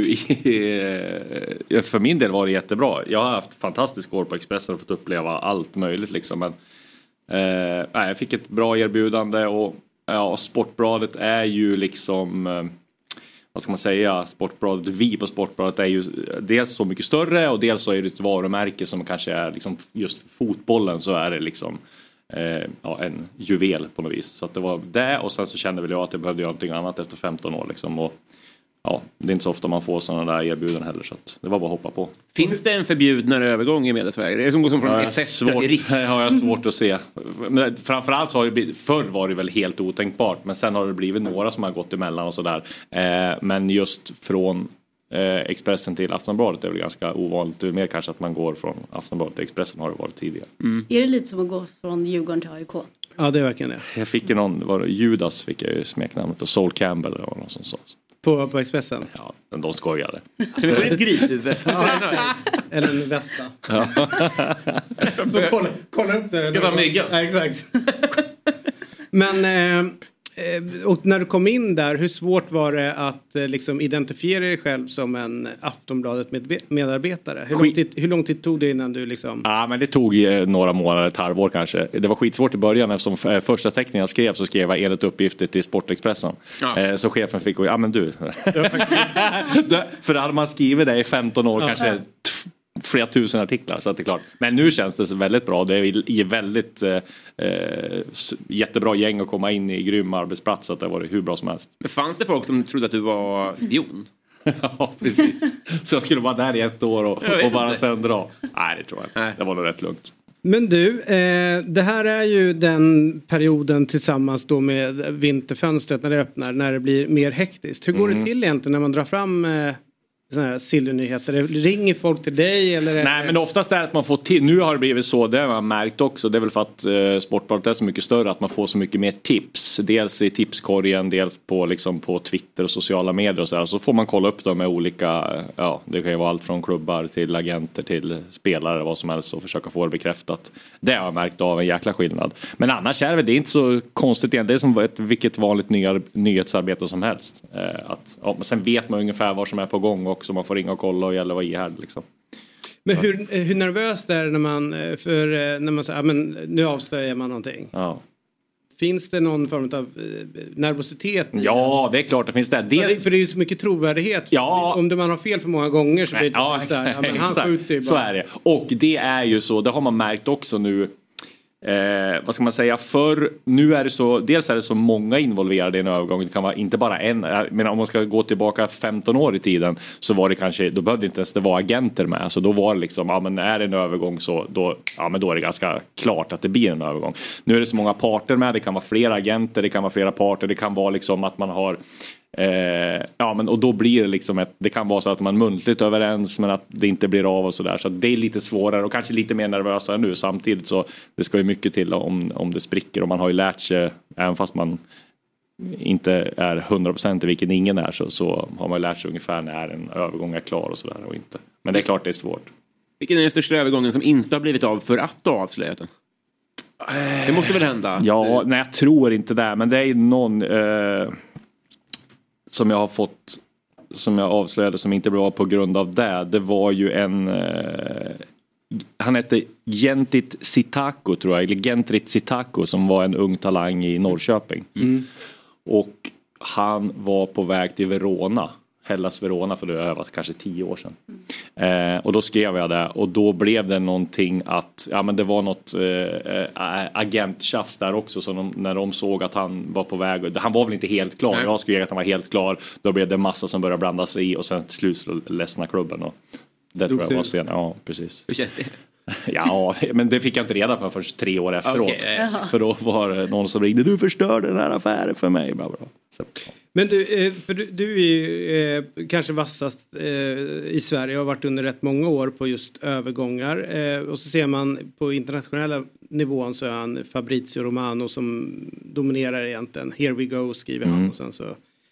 Hur kittlande har det varit att liksom försöka ta ditt nätverk och ditt kunnande och börja liksom kolla på internationella övergångar också och liksom bygga upp eh, ett namn där. Om man kollar den killen eh, han är ju rätt tät på, herregud. på Men- övergångar. Ja, liksom. ja, herregud. Han måste ju vara miljonär liksom. Han sitter och avslöjar eh, Fernandes till, till Chelsea tillsammans med samarbete med Heineken liksom. Mm. Det, det är klart att han är ju mer av en influencer. Alltså jag, jag lägger ingen det är ju, Han är, gör ju jättebra men han är ju influencer Mm. mer än en journalist och det är ju Alltså grymt för honom liksom. Men jag tror att om man har hans roll så skulle man ha svårt att jobba på en tidning. Eh, Det går liksom inte att ha ett, liksom, Jag tänker inte han man gör. behöver göra så Nej, extremt men du menar men på just- att jag skulle ge- göra mig fri och börja jobba själv? Nej, inte Eller så, men vadå? även att liksom börja kolla med På internationella? Ja. Ja. dels tror jag att konkurrensen är så stor och dels tror jag att det handlar om en liksom, lite kanske språkförbristning också. Man måste ha kontakt med internationella sportchefer och italienska och tyska och sådär. Så att, jag tror att det är för stor konkurrens och sen eh, räcker det bra med, med allsvenskan och Sverige tycker jag. Ja.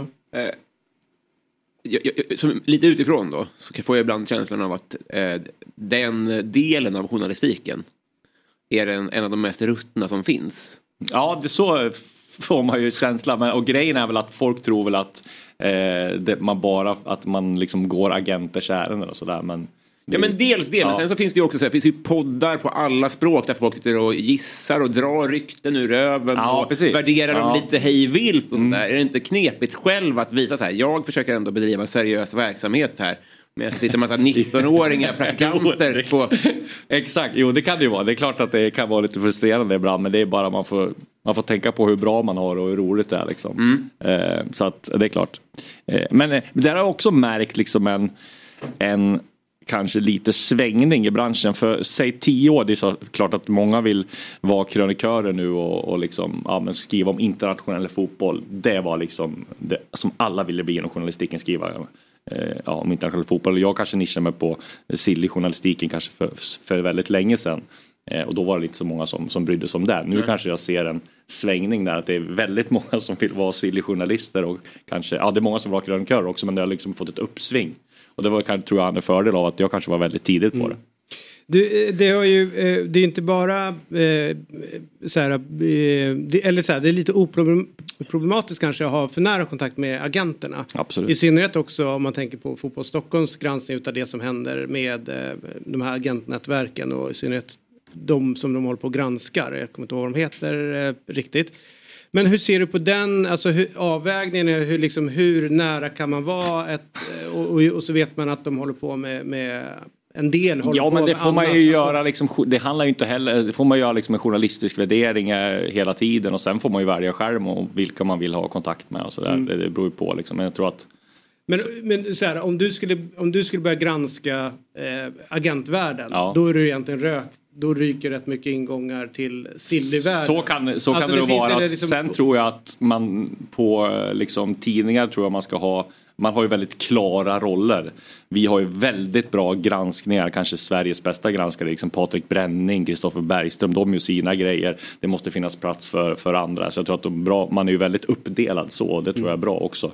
För men det ska ju finnas, jag menar silly-journalistiken, liksom silly, just den grejen är ju liksom en blandning av lite grävande och granskning, lite liksom underhållning också på något vis. Och det är ju all sportjournalistik är ju någon form av underhållning också. Men kan de underminera din roll? Om det är liksom någon håller på att granska någon här Det- borta så ringer du upp och så säger det tror fan jag- nu håller nej. på på din jävla tidning här. Nej, och om- det kan man liksom inte ta hänsyn till Nej. heller. Liksom. Det får man ju, nej, det, och det har aldrig hänt- varit något problem innan och heller. Kommer du ihåg eh, för några år sedan, eh, låt säga att det är, eh, nu fan vad tiden går, men tio år sedan kanske, eh, Mm. när, eh, när det var så här silly-shower, alltså när fönstret stängde, Ja. att det verkligen var stort. Alla skulle ha det. Ja, men det har ju vi fortfarande. Ja, men ni, ni Ja. har ju kvar det, men alltså exakt. alla hade ju det. Vet, var det då det var som hetast med silly? Jag skulle säga att det är mycket, mycket hetare nu. Det är. Alltså, alltså om man tänker på den allsvenska och det. Liksom. Sen, och, och, ja, jag skulle ändå säga att den internationella också är hetare nu. För om man tittar internationellt så har det liksom, det finns ju hur många, alltså Fabrizio Romano står väl ut där. Men sen har du ju alla de här på Athletic, Ornstein, du har exakt. de Shira i, eller vad heter, i um, Italien och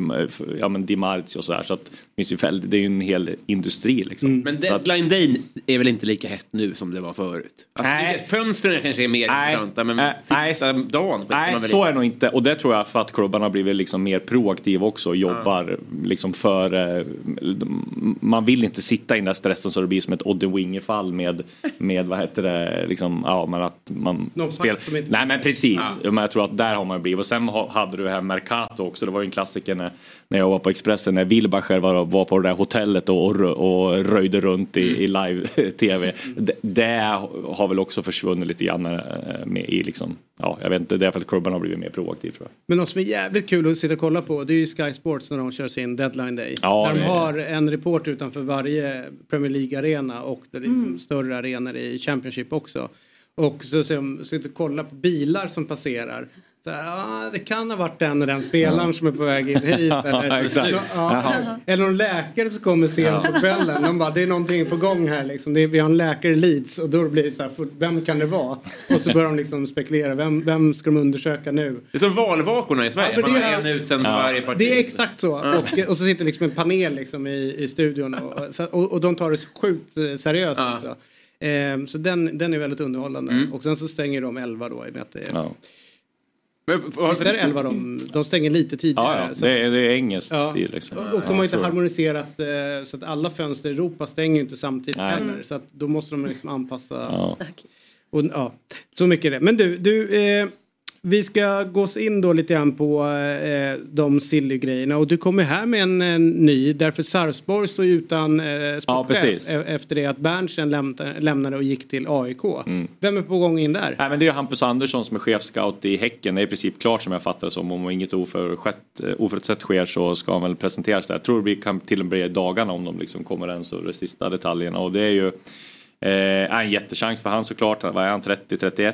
Eh, och eh, han har gjort ett superjobb i, i Häcken tillsammans med Martin Eriksson. Och det är väl han som har i, liksom, i, bakom, legat, mm, bakom många av de här um, fyndvärvningarna som jag har sett nu i Sadik, Traoré, Romeo, eh, Hovland och väldigt många andra. Så att blir spännande att följa han. Och sen Sarpsborg är även en väldigt bra klubb att komma till skulle jag eh, säga också. Väldigt eh, gemytlig, familjär, inte det här pressen som, som man har i, i en stor klubb. Det kan vara bra att börja där också. Men, ehm, kommer det här vara en smäll för Häcken till att börja med? Ja det tror jag väl. Alltså, det är klart att det finns väldigt många duktiga chefscouter men jag tror att han har ju betytt väldigt mycket. Och sätter man det i liksom, förhållande till att även Martin Eriksson sitter på ett utgående kontrakt så är det väl inte optimalt. Däremot så tror jag väl att Häcken unnar honom den här chansen med tanke på att det jobbet han har gjort för Häcken och i den ålder han är i och att hur många eh, svenskar får chansen att bli sportchef utomlands. Nej. Det är inte så många. Och Martin Eriksson lär ju bli kvar. Det tror jag också. Du, eh, apropå Norge då så pratas det om en hel del norska spelare som eventuellt är på gång till AIK.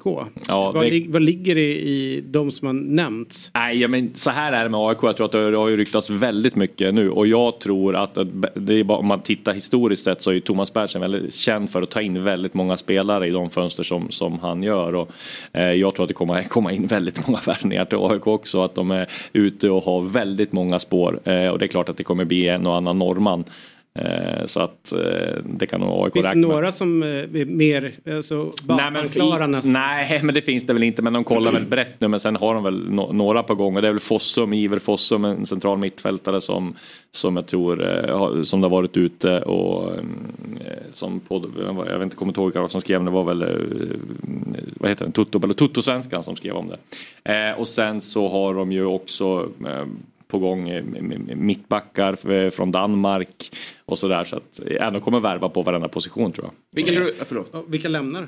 Nej men Victor Fischer har bett om att få lämna som jag fattar det som och där räknar de väl bort honom. Det, grejen med AIK också är att de har ju en en um, utlänningskvot att ta hänsyn till. Om man räknar in Laminda Boro i, i det pusslet så har de ju nio utländska spelare och det är max vad man får ha i en trupp. Så skulle de ha kvar alla utländska spelare så skulle de ha svårt att ta in eh, utländska spelare och det är väl, där, det är väl bara i, i, stort sett utländska spelare som går att ta in. Det finns väl några svenska men det blir ganska dyrt om man ska ta in svenskar och framförallt om AIK ska värva så mycket. Eh, så jag tror att eh, Fischer räknar de bort. Jag tror inte heller Vincent Till kommer vara kvar. Han har de också i princip inte sagt att han ska, han ska lämna men jag tror att det blir väldigt enkelt när hans lån går ut och bara får slå ut honom. Sen kommer de låna ut Laminda Bo som jag fattar det som. Och sen är det ju målvaktspositionen då med Eh, Där kommer Samuel Brolin tillbaka från lån och där har de en andra målvakt, Budimir Janosevic, som tar upp en också utländsk plats. Så att det kan, kan nog bli så att Samuel Brolin blir, blir tvåa där. Du hade en fråga? Ja, jag, jag, jag har glömt. Men om jag, om jag backar lite då i körschemat och, ta- och tar det i större perspektiv så ska jag få komma tillbaka till värvningen och så här. Vad, det, vad, vore en, vad, vad ska en drömvärvning innehålla för att, för att du ska få ut maximalt av det? För att du ska få avslöja det och för att det ska vara riktigt juicy. Vilka komponenter är i, i en drömnyhet? Nej men eh, det, Marek Hamsik brukar alltid ta som, eh, som exempel. En total chock liksom att han skulle till IFK Göteborg. Eh, sen är det väl Hugo Larsson till Frankfurt, det är väl ett, att han slår ett allsvenskt rekord och att ingen har skrivit om det tidigare och att en stor övergång som går till Bundesliga. Eh, ja, men Du får pussla upp en ny nu. Vi, vi, vi säger att det inte kommer hända. I, imorgon smäller det. Det här skulle man behövt tid att tänka på. Men då säger vi, Kristoffer Olsson till AIK då. Det hade ju varit en eh, drömvärvning. En landslagsspelare som går till AIK. Inte helt orealistiskt även fast han kommer nu säkert bli kvar i Midtjylland. Men de skulle behöva en sån spelartyp. Han är eh, i liksom rätt ålder. Nu har inte AIK de pengarna att lägga tror jag till, till Anderlecht som, som de vill ha. Men det hade ju varit en, en drömvärvning. Tror jag. Du, eh, snabbt bara innan vi stänger AIK-butiken då. Hur blir det med till exempel Sotte och, och eh, Gudetti och de som liksom, det har pratats lite grann, i synnerhet Gudetti som sitter på Ja, men- eh, kostnad. Fi- Finns, Blir han kvar eller? Ja men det blir ju ofta så här.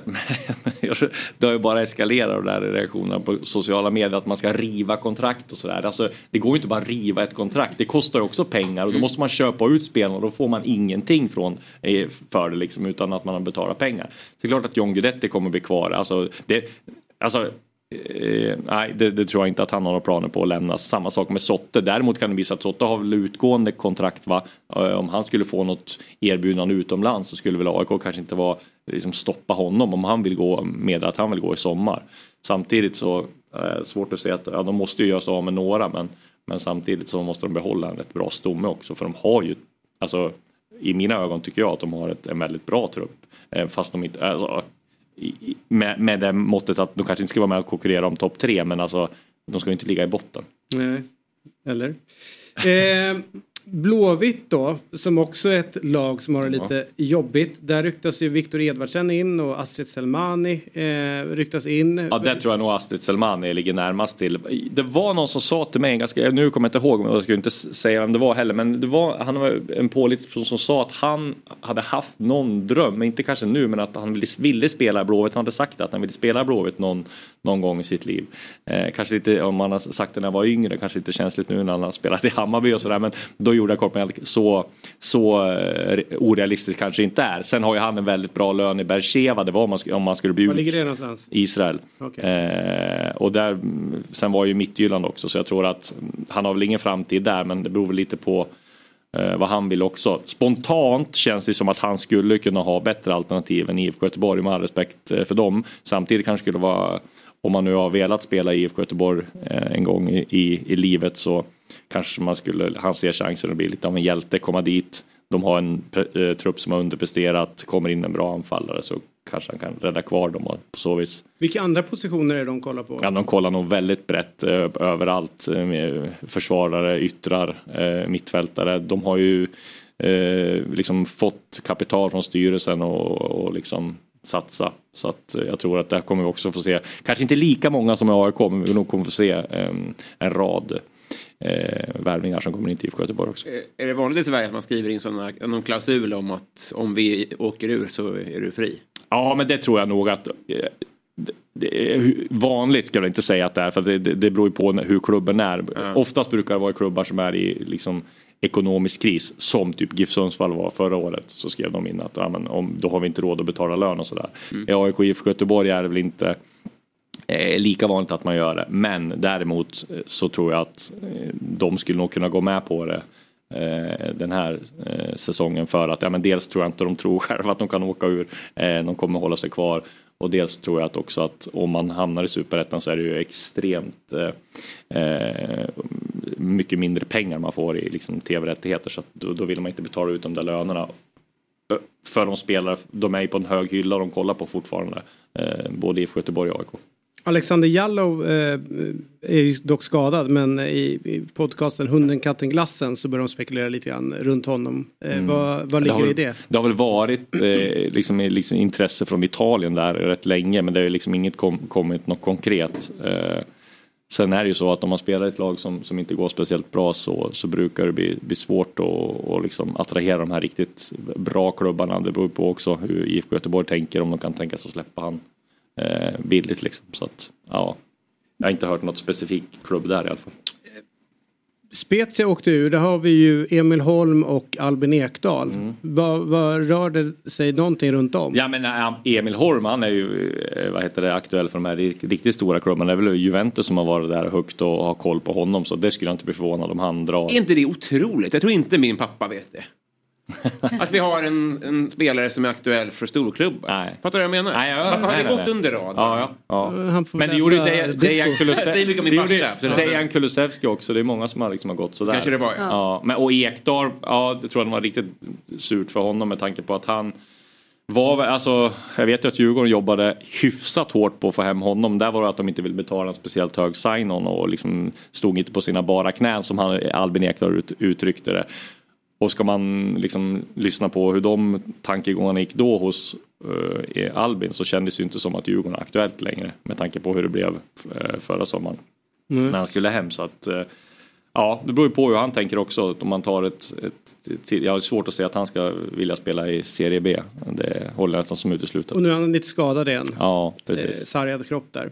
Eh, ett lag som är lite spännande att följa är ju eh, MFF. Ja. Vad, vad de gör på marknaden med tanke på att de har, det, det är liksom, det, de har ju mycket pengar som helst. Mm. Ja, men de, de jobbar ju stenhårt för att landa eh, nu ska jag se så jag säger rätt, Otto Rosengren eh, från Mjällby. Och Mm. där har de ju förhandlat och eh, Mjällby har nobbat ett bud och Hasse Larsson har varit ganska tydlig med att han vill att Malmö får höja sitt bud. Det tror jag dock de är beredda att göra. Så att om inte det kommer in, ja, men typ om Bodø Glimt skulle gå in och markera och, och ta eh, Otto Rosengren eller någon annan klubb så tror jag att, den, att Malmö nog gör klart den för de är väldigt måna om att få in honom. Eh, jag tror Rydström ser honom som liksom en, en drömvärvning. Sen jobbar ju Malmö hårt på en ytterligare en till mittfältare och en, en anfallare och det är han Jörgensen från Silkeborg. För Eh, 15 miljoner. Ja det tror jag, men det är ingenting för Malmö längre. Nej. Alltså det är ju liksom, det är jättemycket för alla andra klubbar men det, det är de pengarna Malmö har. Om man betalar 18 miljoner i sign-on till Isak Kiese till exempel på ett 4,5 års kontrakt och 20, 20, vad var det, 20 miljoner till Pontus Jansson. Det är på den hyllan de, de kör nu liksom. Vilka står näst i tur på deras hemvändarkö då? Är det Helander eller Foppa? Eller vem? Nej, Foppa tror jag inte. Det är Nej. nog helt uteslutet. Eh, skulle jag säga. Han kör nog på utomlands så länge Olsen det går. går. Ja, där skulle jag säga. Där har du den nästa hemvändare till Malmö. Olsen. Det Innan på- Helander?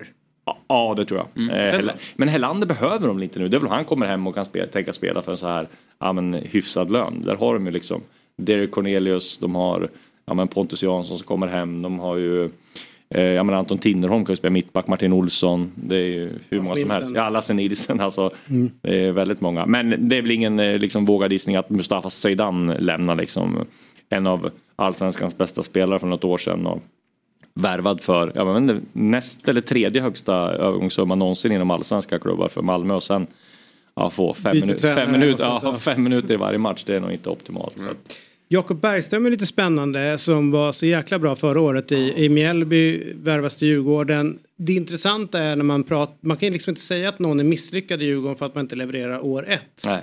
Utan att det, ibland kan det ta lite tid innan man kommer in i, i sättet som de vill spela. Ja. Eh, så att när en del säger så här, ja, men han kommer lämna, så blir jag så här, "Ah, inte riktigt säker att de kanske ser någonting långsiktigt. Men hur, hur är det där egentligen? Ja, alltså om man ser till, han är ju helt, alltså jag gillar ju han. Jag tror att han skulle göra typ 10-8 mål i, i Allsvenskan sin första säsong. Men han, får ju, han är ju, verkar ju helt iskall hos eh, Kim och Tolle.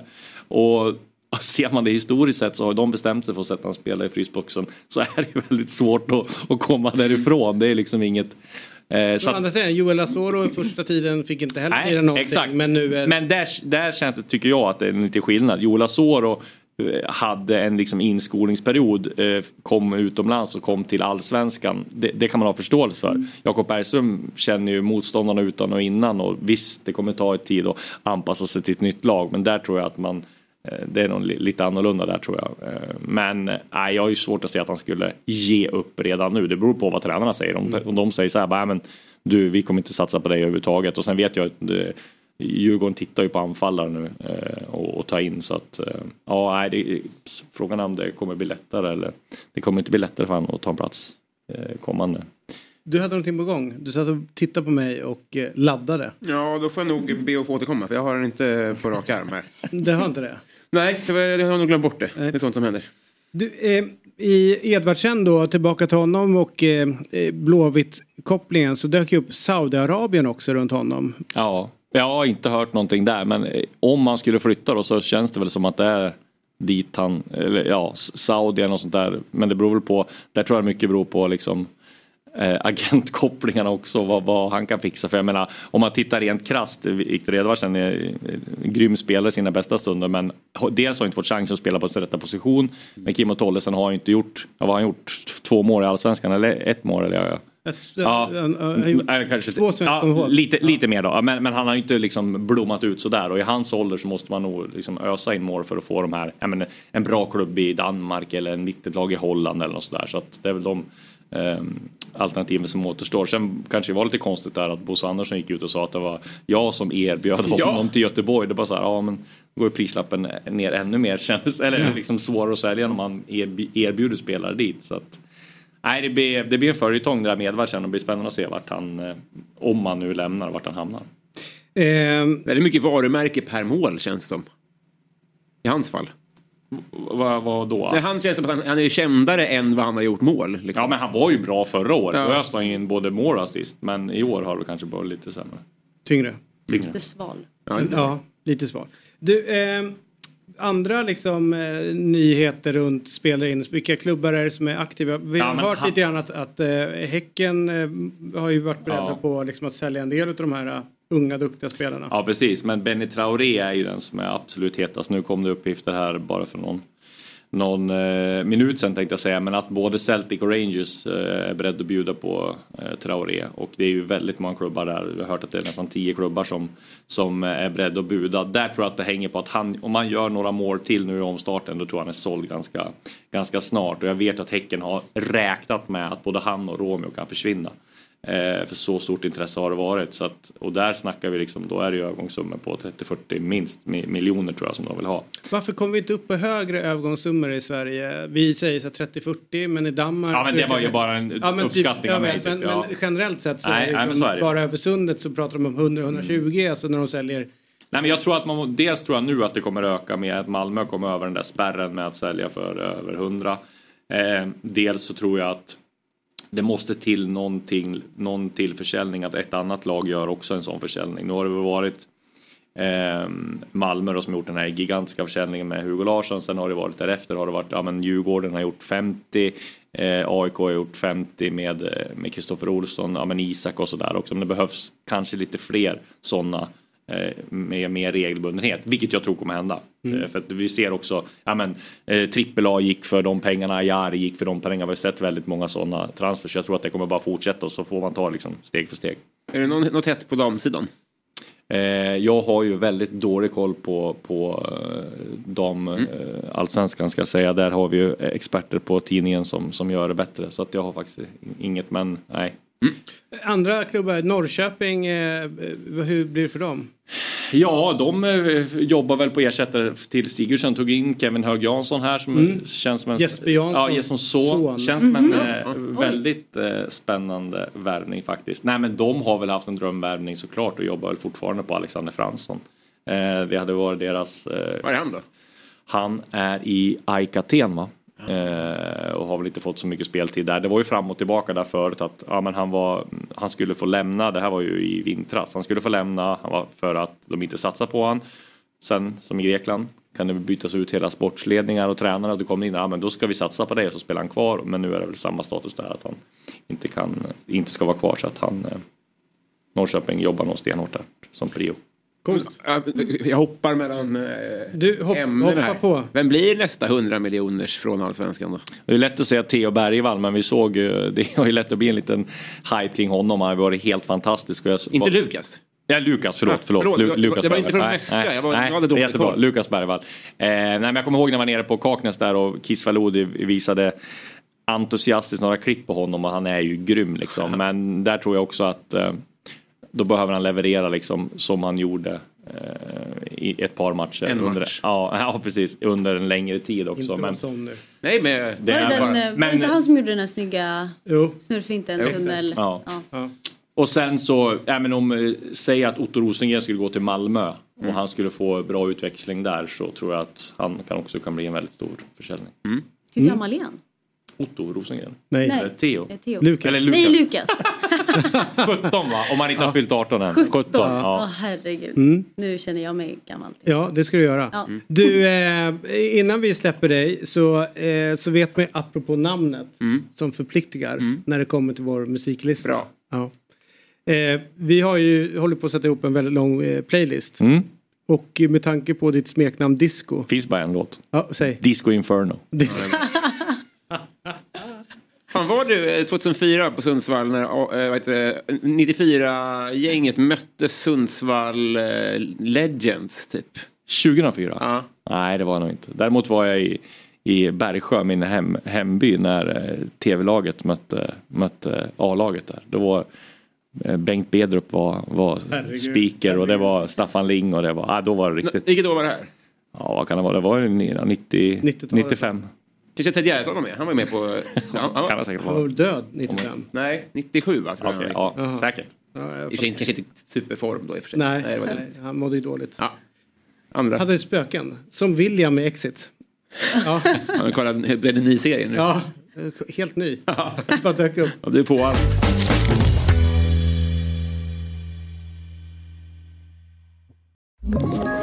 Ett poddtips från Podplay. I fallen jag aldrig glömmer djupdyker Hasse Aro i arbetet bakom några av Sveriges mest uppseendeväckande brottsutredningar. Går vi in med hemlig telefonavlyssning och, och då upplever vi att vi får en total förändring av hans beteende. Vad är det som händer nu? Vem är det som läcker? Och så säger han att jag är kriminell, jag har varit kriminell i hela mitt liv men att mörda ett barn, där går min gräns. Nya säsongen av Fallen jag aldrig glömmer på Podplay. Eh, men vad härligt eh, Disco. Låt oss hålla kontakten under Ja, det detta eh, spännande fönster. Eh, vad är ditt rekord på 1500 meter? 1500 meter, ja du jag höll på med friidrott när jag var yngre men 1500 meter sprang man där. Man sprang väl eh, 800 och 3000 så jag sprang nog aldrig 1500 men Nej. ja, jag vet inte kanske Nej jag har ingen aning. Eh, den här killen som dyker upp nu, eh, Ja. du kan sitta kvar om du vill. Ja. Eh, det går ju pissdåligt för Sverige på, eh, på alla möjliga sätt inom fotbollen. Mm. Oklart om herrlandslaget tar sig till EM. Damerna ett misslyckat EM-slutspel bakom sig.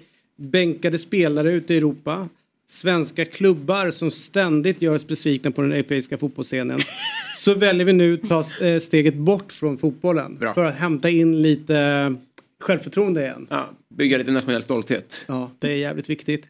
Vi har nu med oss en svensk som på allvar hotar jättarna inom sin idrott. Och vet ni vad? Han älskar Fotbollsmorgon. Han har spelat fotboll och dessutom så är han Sveriges snabbaste eh, människa på 1500 meter. Andreas Almgren, välkommen till Fotbollsmorgon. Tack så jättemycket. Kul att få vara med här. Ja, det är oerhört stort att du är med så här dagen efter kvällen innan. Hur mår kroppen efter, efter det att man har blivit den snabbaste svensken på 1500 meter? Eh, ja, jag mår ju lite sådär just nu. Det är inte många timmars sömn. Eh, försökte börja lägga, eh, liksom somna där någonstans runt två eh, och såg när klockan rullade framåt fyra att jag fortfarande inte var nära att somna. Eh, sen har jag fått i mig en 90 minuter, två timmar sömn i, i natt kanske. Men eh, Varför då? Var det adrenalin eller var det alkohol eller var det tankar bara? Nej, det, vi, eh, vi springer ganska sent så loppet börjar ju strax innan tio. Ehm, sen är man bara full av adrenalin, man har tagit lite koffeingrejer innan. Sen för att ett rekord ska gälla så måste man göra sådana här dopingprov. Ehm, och man är inte jättetaggad på att kissa direkt efter ett, eh, ett lopp i värmen där. Så Nej. man häller i sig massa vätska och när man kommer tillbaka sen så eh, ja, man behöver vi kissa varje var 45 minuter eller något sånt. Inte lätt att somna då.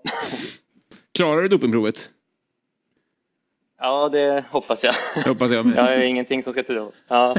Det Finns, finns det någonting som gör att man blir stressad när man, man vet att man är helt, man har inte gjort någonting, men finns det någon stress när man går in där? Alltså hos... Alltså jag, jag kollar ju upp alla typer av läkemedel och all såna här grejer som man tar så det ska ju vara ren men det är alltid en liten oro varje gång man gör något sånt där. Eh, och det blir ju en eh, 6-10 stycken prov per år liksom. Eh, men eh, jag har ju klarat mig hittills jag har inte gjort någonting annorlunda nu så det ska väl vara försöka klara sig vidare från det också. Det är lite samma känsla som man går när man så här rutinkontroll med Ja. polisen. Mm. Ja. Man vet att så här, jag var hemma och så, alltså jag har inte druckit någonting eller jag har inte gjort någonting. Ändå så känner man Man, sig... man, man blåser ja. Ja, Jävlar, hoppas det där funkar nu alltså. ja. eh, Men du, eh, du slog ju Kalle Berglunds rekord eh, med 1,7 eh, sekunder, vilket i sig eh, är imponerande. Eh, hur, hur, hur kändes det under loppet? Hade du liksom känslan av att det här går fort, jag, jag kommer ta rekordet nu? Ja, eh, framförallt kändes det att det gick jäkligt fort för jag är ju 5000 meters löpare egentligen eh, och inte riktigt van vid den här sträckan. Eh, så det känns som att man sprintar hela vägen. Eh, så, men jag visste att jag ändå var i bra form så att eh, jag skulle kunna närma mig rekordet i alla fall i ett bra lopp. Men jag trodde inte att det skulle gå så här fort. Det gjorde jag inte. Eh, jag eh, har ju haft lite koll på dig. Vi har haft en gemensam tränare, eh, eh, dock jag lite innan dig, Janne Färner. Eh, och då sa han eh, att eh, han tränar en, eh, han har en i fotbollslaget då, eh, som är jävligt snabb och har en vinnarskalle utöver det vanliga. Eh, och då var det dig han pratade om. Eh, hur, hur uttrycker sig din liksom, vinnarskalle i de här loppen? Alltså, man kan säga att ett 1500 meters lopp så börjar det ju göra ont efter 400 meter ungefär. Då har du ja, två och tre kvarts varv kvar. Så då är det här liksom bara att liksom bita ihop och kämpa mot det liksom mentala hela loppet. Liksom. Eh, man känner ju nästan liksom från ja, men, 500-600 meter man börjar vilja leta efter ställen och bryta närmaste utgången. Liksom. Eh, men det, Vad håller du på väl- då? Det är helt fruktansvärt. Ja, för att det är så jäkla kul så när man kommer i mål. Det är, liksom, Aj, aj, det är aj. några minuters lidande och sen är det ju en hel, hel kväll och liksom, ja, ett helt liv av lycka. Kissprov. efter, Liksom. ja, det är lite så. Det är så jäkla kul med dopingproven. Det är därför jag gör det här. Får kissa av sig lite.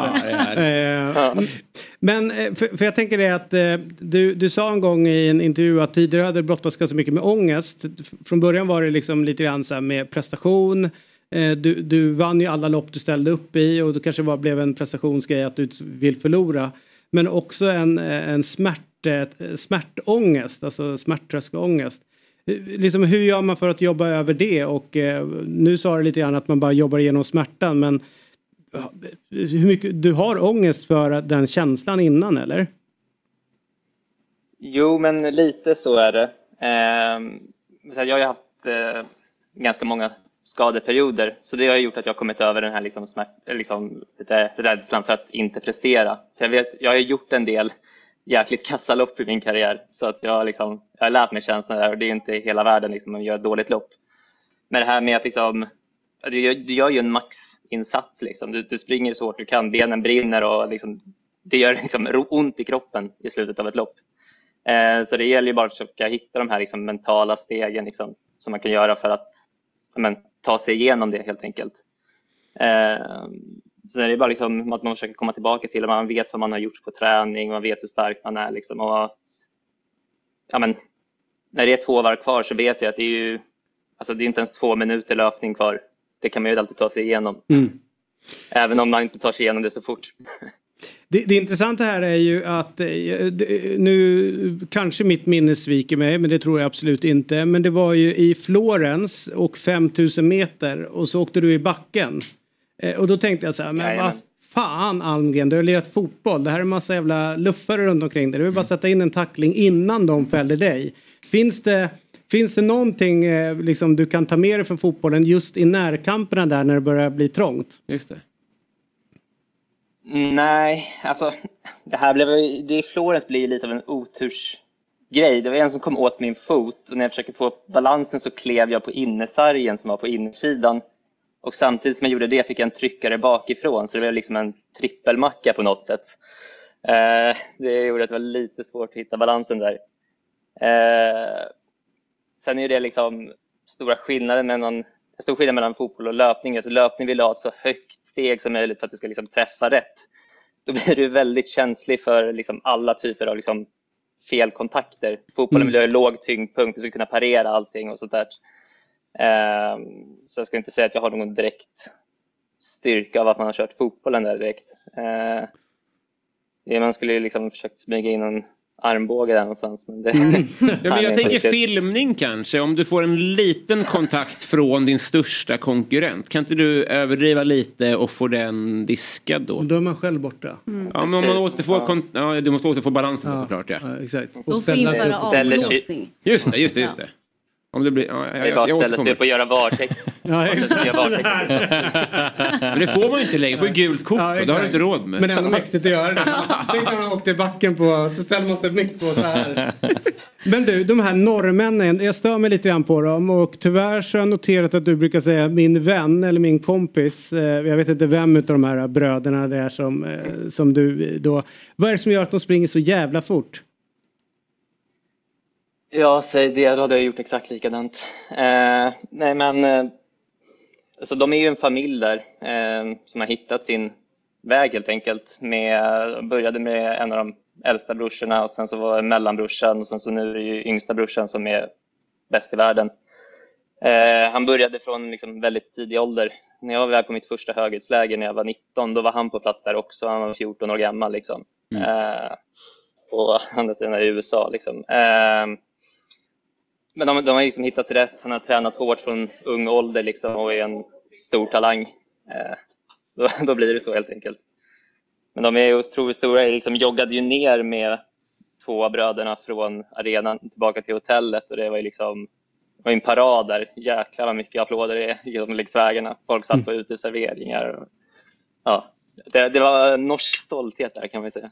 Men vad ska du, för, eh, under Klyft och i viss mån Duplantis då så var det väldigt mycket kärvänligt och eh, heja på varandra inom bland konkurrenterna. Hur, hur är det bland er?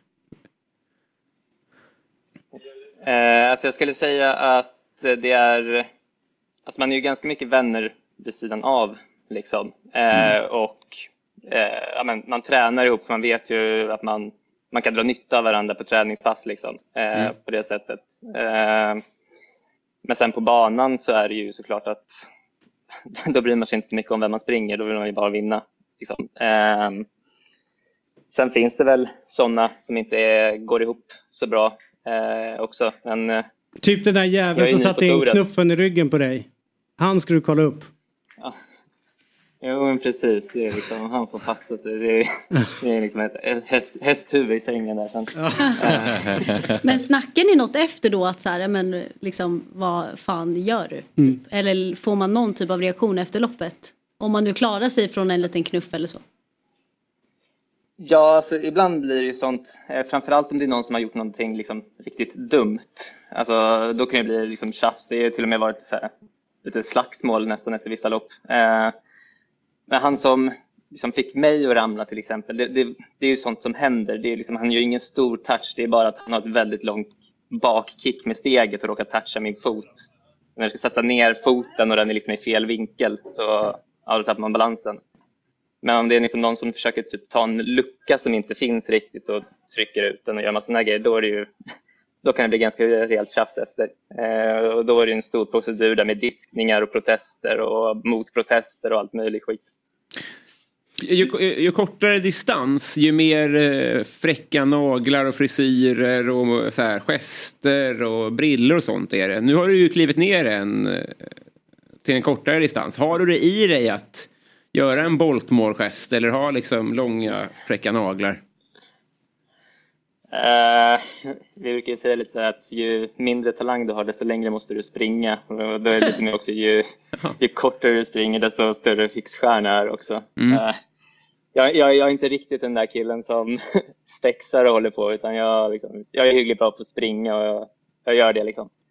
Eh, sen kommer jag ursprungligen från 800 meter också så jag, jag är väl på touchar på gränsen där till att kunna vara spexare. Men inte riktigt där än. Du, eh, jag vet att du har tre favoritlag. AIK, Real Madrid och eh, Arsenal. Vilket är eh, som ligger var varmast om... Visst hade jag rätt där AIK, på dem? inget snack. Ja, du, du, Ja, jag har alltid tyckt att du har varit vettig. Nej, men det, det är ju AIK, det är liksom, ju äldre man blir desto mer liksom, hemmakär blir man. Liksom. Så det är, AIKs matcher följer jag alltid och sen så är det vad jag kan eh, med de utländska, man ska säga. Eh, så det, det har inte varit en jätterolig vår hittills, om man säger så, på det sättet. Var det svårt att ta beslutet att lägga ner fotbollen? Eh, För du höll ju på med båda sporterna. Visst var det upp till 13-årsåldern och liknande?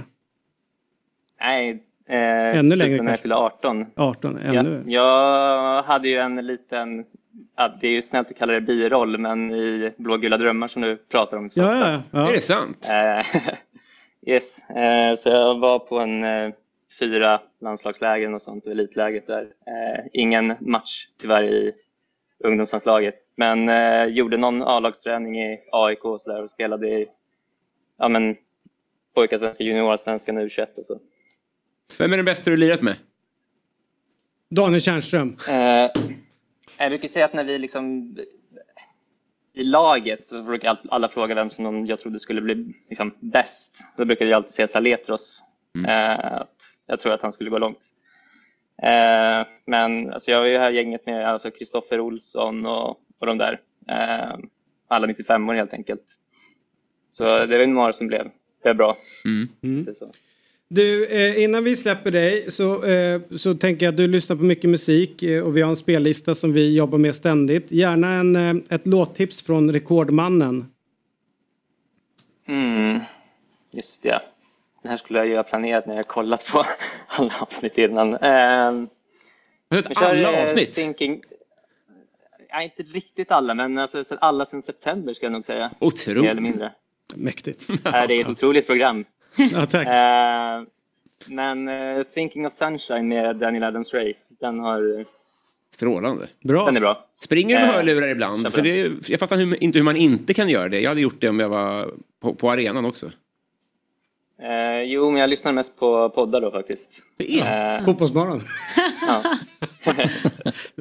Jävligt roligt. Men du, tusen tack och, och gärna att du kommer förbi studion när du är i Stockholm. Kan vi prata lite grann mer om, eh, om eh, din ja, Real Madrid och Arsenal och vad du tror om säsongen som kommer och, och, och lite mer om din fotbollskarriär. Eh, och grattis än en gång till, eh, till svenska rekordet. Mäktigt. stort, stort tack. Tackar. Hej då. Hej. Ja. Det tar han alltså på det distans som inte Hej. riktigt är hans. Nej, Det är 5000 imponerande. meter. Ja. Minns ni det när han, var det någon kuban som klev ner? Nej, det minns vi inte. Och slog, och, han slog årsbästa i höjdhopp. Det första hoppet i livet. Ja. Det var en basketspelare. Ja, ja, ja, ja. Och Johnny Holm bara, Men han var det gör inte- fel. Ja just det, men var det inte också någon, eh, någon amerikan som... Han kanske var amerikan. Ja men som typ på någon så här universitet som tyckte det var lite kul att hoppa höjdhopp. De bara fast du är ju duktig på det här. Han bara, nej men det är så. Men så måste det ju kännas för de här eh, ordinarie löparna när han kliver in och slår rekord. På sin... Eh, Knäckande. Ja, verkligen. På sin reservverksamhet. På colleget jag gick på i USA så gick han basketspelaren, eh, jag tror att han kallas ta- Taco. Jag vet inte. Ja, alltså han... Anders Svensson. Ja, precis. Han, alltså han var så lång och så kommer jag ihåg, jag gick på campus någon gång så kom han på en sån här hoverboard så han blev ju liksom två decimeter längre. Det var som en stor skugga som var, Vilket Space Jam-ögonblick. ja verkligen. Men tack, jag måste kolla upp honom. Ja. Han är jättebra då på basket. Ja men jag tror, jag är inte jättebra, jag vet faktiskt inte, jag har inte så bra koll på basket men taco med C tror jag. Ja, tack och basket. Nu ska vi eh, ta så här, man undrar lite grann. Eh, Jag måste säga ja, tack och hej. Ja, tack och hej. Tack och hej. Han är inte bara från Sundsvall, han är också lite göteborgare. Ja. Ja. En god man. Eh, så här, man undrar lite grann hur det är att eh, man håller på ett lag som är bäst i Sverige. De vinner nästan alltid, Mm. leder maratontabellen. Kommer från en säsong när de bara kom sjua, då blir det katastrof. Mm. Eh, så man har ju svårt att lida med dem på det sättet. Men ändå en säsong med eh, en supervår där de typ vinner allting på fotbollsplan. Men eh, där deras bästa spelare blir borta resten av säsongen, PGA hjärtproblem. Mm. Där deras största unga spelare med ett efternamn som liksom eh, Förpliktigar. förpliktigar i klubben, Larsson, Hugo, blir såld. Där Sergio Peña kör lite grann på fyllan Mhm. och blir dömd. Eh, och eh, liksom, eh, det, det händer grejer. Eh, och inget Europaspel. Nej. Och då undrar man så här, hur mår man som MFF-supporter? Det kan inte jag svara på. Nej. Men det kan Simon Chippen Svensson ifrån eh, en av mina favoritpoddar, Ja, min- Della Sport. Mm. Eh, och jag tycker det är svinstort att eh, denna stolle är med oss den här morgonen. God morgon, hur står det till? Det är ganska bra idag. Ganska bra. Tack så Ja. mycket. Vad, vad fina ni är. Ja, det är du också eh, i denna grönska du har runt omkring dig. Ja, just det. Och vit skjorta. Ja. Väldigt piffig. Väldigt Ja, mycket icke-malmöitiskt. Det är ju mer en arbetarstad. Men direktören Ja, men finns precis. också där. Jo då, vi har, eh, vi har eh, Dressman här med. Så vi kan köpa foto. Du, eh, eh, vad är din relation till fotboll förutom att du håller på Malmö? Relation till fotboll? Vad, Mm. vad menar du? Jag har spelat fotboll och jag tittar hyfsat mycket på fotboll. Men jag har gjort slut med, ja man kan säga gjort slut med svenska landslaget. Jag har gjort slut med Manchester City. Och sen så för fem, sex, sju år sedan så har jag fått en ny kärlek i eh, Roma. Så att det Ah. går lite fram och tillbaka.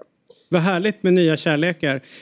Vad är Mm. din, eh, jag studsade lite grann på när jag läste om Sergio Peña och att han hade kört full. Eh, vad är din reaktion på det, he- hela den här soppan, Malmös agerande runt det hela och sen kom ju domen med vad är det, 50 dagsböter och Ja, precis. Domen eh, jag, kan jag inte säga så mycket om för jag, jag tror att de kan mer än jag Mm. i, eh, i domstolssalarna. Men jag, eh, det enda jag kan säga om Malmös agerande var jag såg en intervju med, med Rydström och slogs av, det var första gången, jag har ju alltid gillat Rydström såklart, men då kände jag att vilken jävla bra tränare han var. För han fick någon sån där svår fråga av någon journalist och så stod han bara rakryggad och sa nej men så här gör vi och eh, vad menar du? Vad ska vi göra då? Vad tycker du? Och eh, tryckte tillbaka. Så jag tyckte han skötte det otroligt bra. För det är ju inte så lätt liksom. Man Nej. kan tycka att det är vidrigt gjort och så, men vad fan ska man göra? Så där, oavsett vad man tycker om deras beslut så gjorde de det liksom rakryggat och, eh, och ordentligt och bra. Blir man ledsen när eh, Hugo Larsson blir såld och lämnar? Eller är man bara stolt över att ni skickar ut en ytterligare en spelare i fotbollseuropa? Jag blev lite ledsen för att eh, förra året sa man att Hugo Larsson var så himla himla bra. Jag som inte kan så mycket om fotboll såg inte det riktigt. Eh, I år däremot så såg jag det verkligen. Mm. Eh, nu fattar jag vad alla snackar om. Men så att jag tyckte det var lite lustigt, att, men så är det med svensk fotboll, att vi i Malmö då gav världens största hyllning till honom sista hemmamatchen.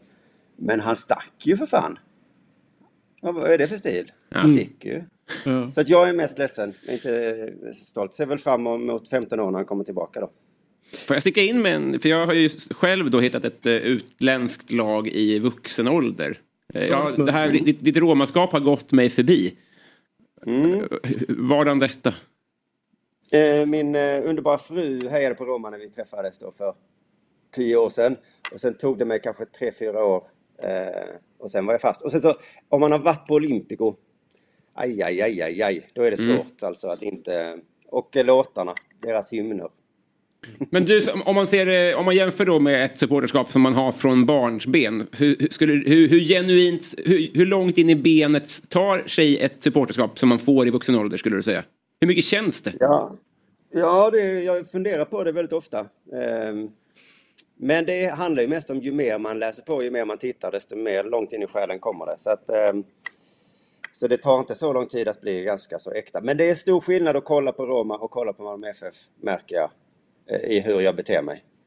Och det vet, jag kan inte förklara det riktigt. Men det är Nej. mer känsloförklarat det är för Malmö. Jag tänkte egentligen prata om AC nu men när vi ändå kom in på hymner. Jag, eh, jag, näst, jag, jag skulle kunna sträcka mig så långt och säga att jag älskar Mm. MFFs hymn i kombination med MFF som klubb. Mm. Alltså det är nästan den perfekta kombinationen utav eh, liksom hur hymnen är och hur de som håller på MFF och liksom klubben är. Mm. Hur, hur Jag som mycket... inte riktigt vet hur vi är, vad menar du med det då? Ja, men ni är ju eh, ja, men så här, ni är sjukt stolta och eh, liksom så här, ni känner en jävla stolthet inför eh, för MFF och så har ni där lite grann med att eh, ni är vinnare på något sätt. Ni är ju inte pompösa men ni är ju, ja men fan ni är nästan pompösa. Ni är ju svinrika, ni har vunnit mest och, och typ solo i Sveriges, en av Sveriges största städer och som ni typ fullkomligt äger. Ni, ni flaggar utanför skolor och, och Den är jag dagis avundsjuk på och sådär faktiskt. liksom. Eh, Så att det är liksom, det, det är nästan Vad var det en- Värnamo hade för inmarsch? Hörde ni den? Den, här den hade ju inte Malmö FF kunnat ha. Nej, nej, verkligen inte. Och, eh, men, men sen så har ni den här eh, liksom, nästan opera liksom, touchen på eran. Hur, hur mycket Mm. älskar du eh, er hymn? Alltså, du, du nämnde Romas, liksom, här, men du borde ju Mm. liksom säga så här, men MFFs. Ja, jag, jag gillade när den kom, men nu har jag någon form av hatkärlek till den. Jag, jag, jag sjunger lite ironiskt med, för det är lite för pompöst för min smak. Eh, Operatouchen. Och eh, så att, eh, så visst, jag sjunger med och, och så. Men jag gillar inte den hundraprocentigt, gör jag inte. Nej, konstigt. Tror du att ditt landslagståg har gått? Nej, det skulle jag nog inte säga. Nej. Utan det hänger nog på lite karaktärerna i laget och så. Vilka är det som står i vägen för att du ska uppskatta dem nu? Ja, men det var väl framför ah, Det stor skillnad från när det var, ja men ni vet Henke, Ljungberg, Zlatan liksom. Så Mm. det kanske var mest det, eh, när de försvann. Och nu är det så jävla mesiga killar bara, som inte är någonting. Eh, så jag skulle behöva något. Att, eh, Några någon, någon som man gillar. Mm. ja, kanske det. Och så kanske att de börjar vinna lite. Du, eh, jag blev ju nästan lite ledsen när jag läste om Anders Christiansen. Hur reagerade du på den eh, nyheten när den kom? Ja, det är ju, men men jag tycker just hjärtfel är ju hemskt. Men man, jag har börjat bli lite van de senaste säsongerna att eh, en MFF-are trillar och så säger de Ja, det är nog ingenting. Och sen bara, ja, det var visst ett och ett halvt år borta. Eh, det har hänt så ofta på senare tid så det är nästan man känner sig, ja, ja, okej. För Det, det kan ju vara ett hjärta, det kan vara en liten muskel i tån och säga så här, nej, det blir inget spel på Mm, Nu kan glömma säga honom igen. Så, så lite är man van. Men just att det var AC var ju fruktansvärt tråkigt såklart. Mm. Du, eh, vem är din favoritspelare i MFF nu? Ja du, det går ju inte att säga annat än Taha Ali för tillfället. Det är ju helt sinnessjukt vilken spelare. Um, jag, jag funderar på när vi senast hade liksom sett något liknande. Jag vet inte, Afonso Alves kanske. Men Jocke Nilsson. Jocke Nilsson minns inte jag riktigt tyvärr, Nej. mer än till namnet. Ehm, Han dansade Men, också ute på kanterna. ja, ja, ja. Var han med i landslaget också? På... Lite grann, mer att han var inne och snurrade någon form av U21 och sådär liksom. Men han Ah, var ju eh, väldigt spektakulär för den tiden. Han var den tidens Taha Ali. Ja, den tiden så härlig. Mm. Ja, nej men så han är ju jävla cool att se. Men eh, eh, vad ska vi säga, annars är ju eh, backlinjen.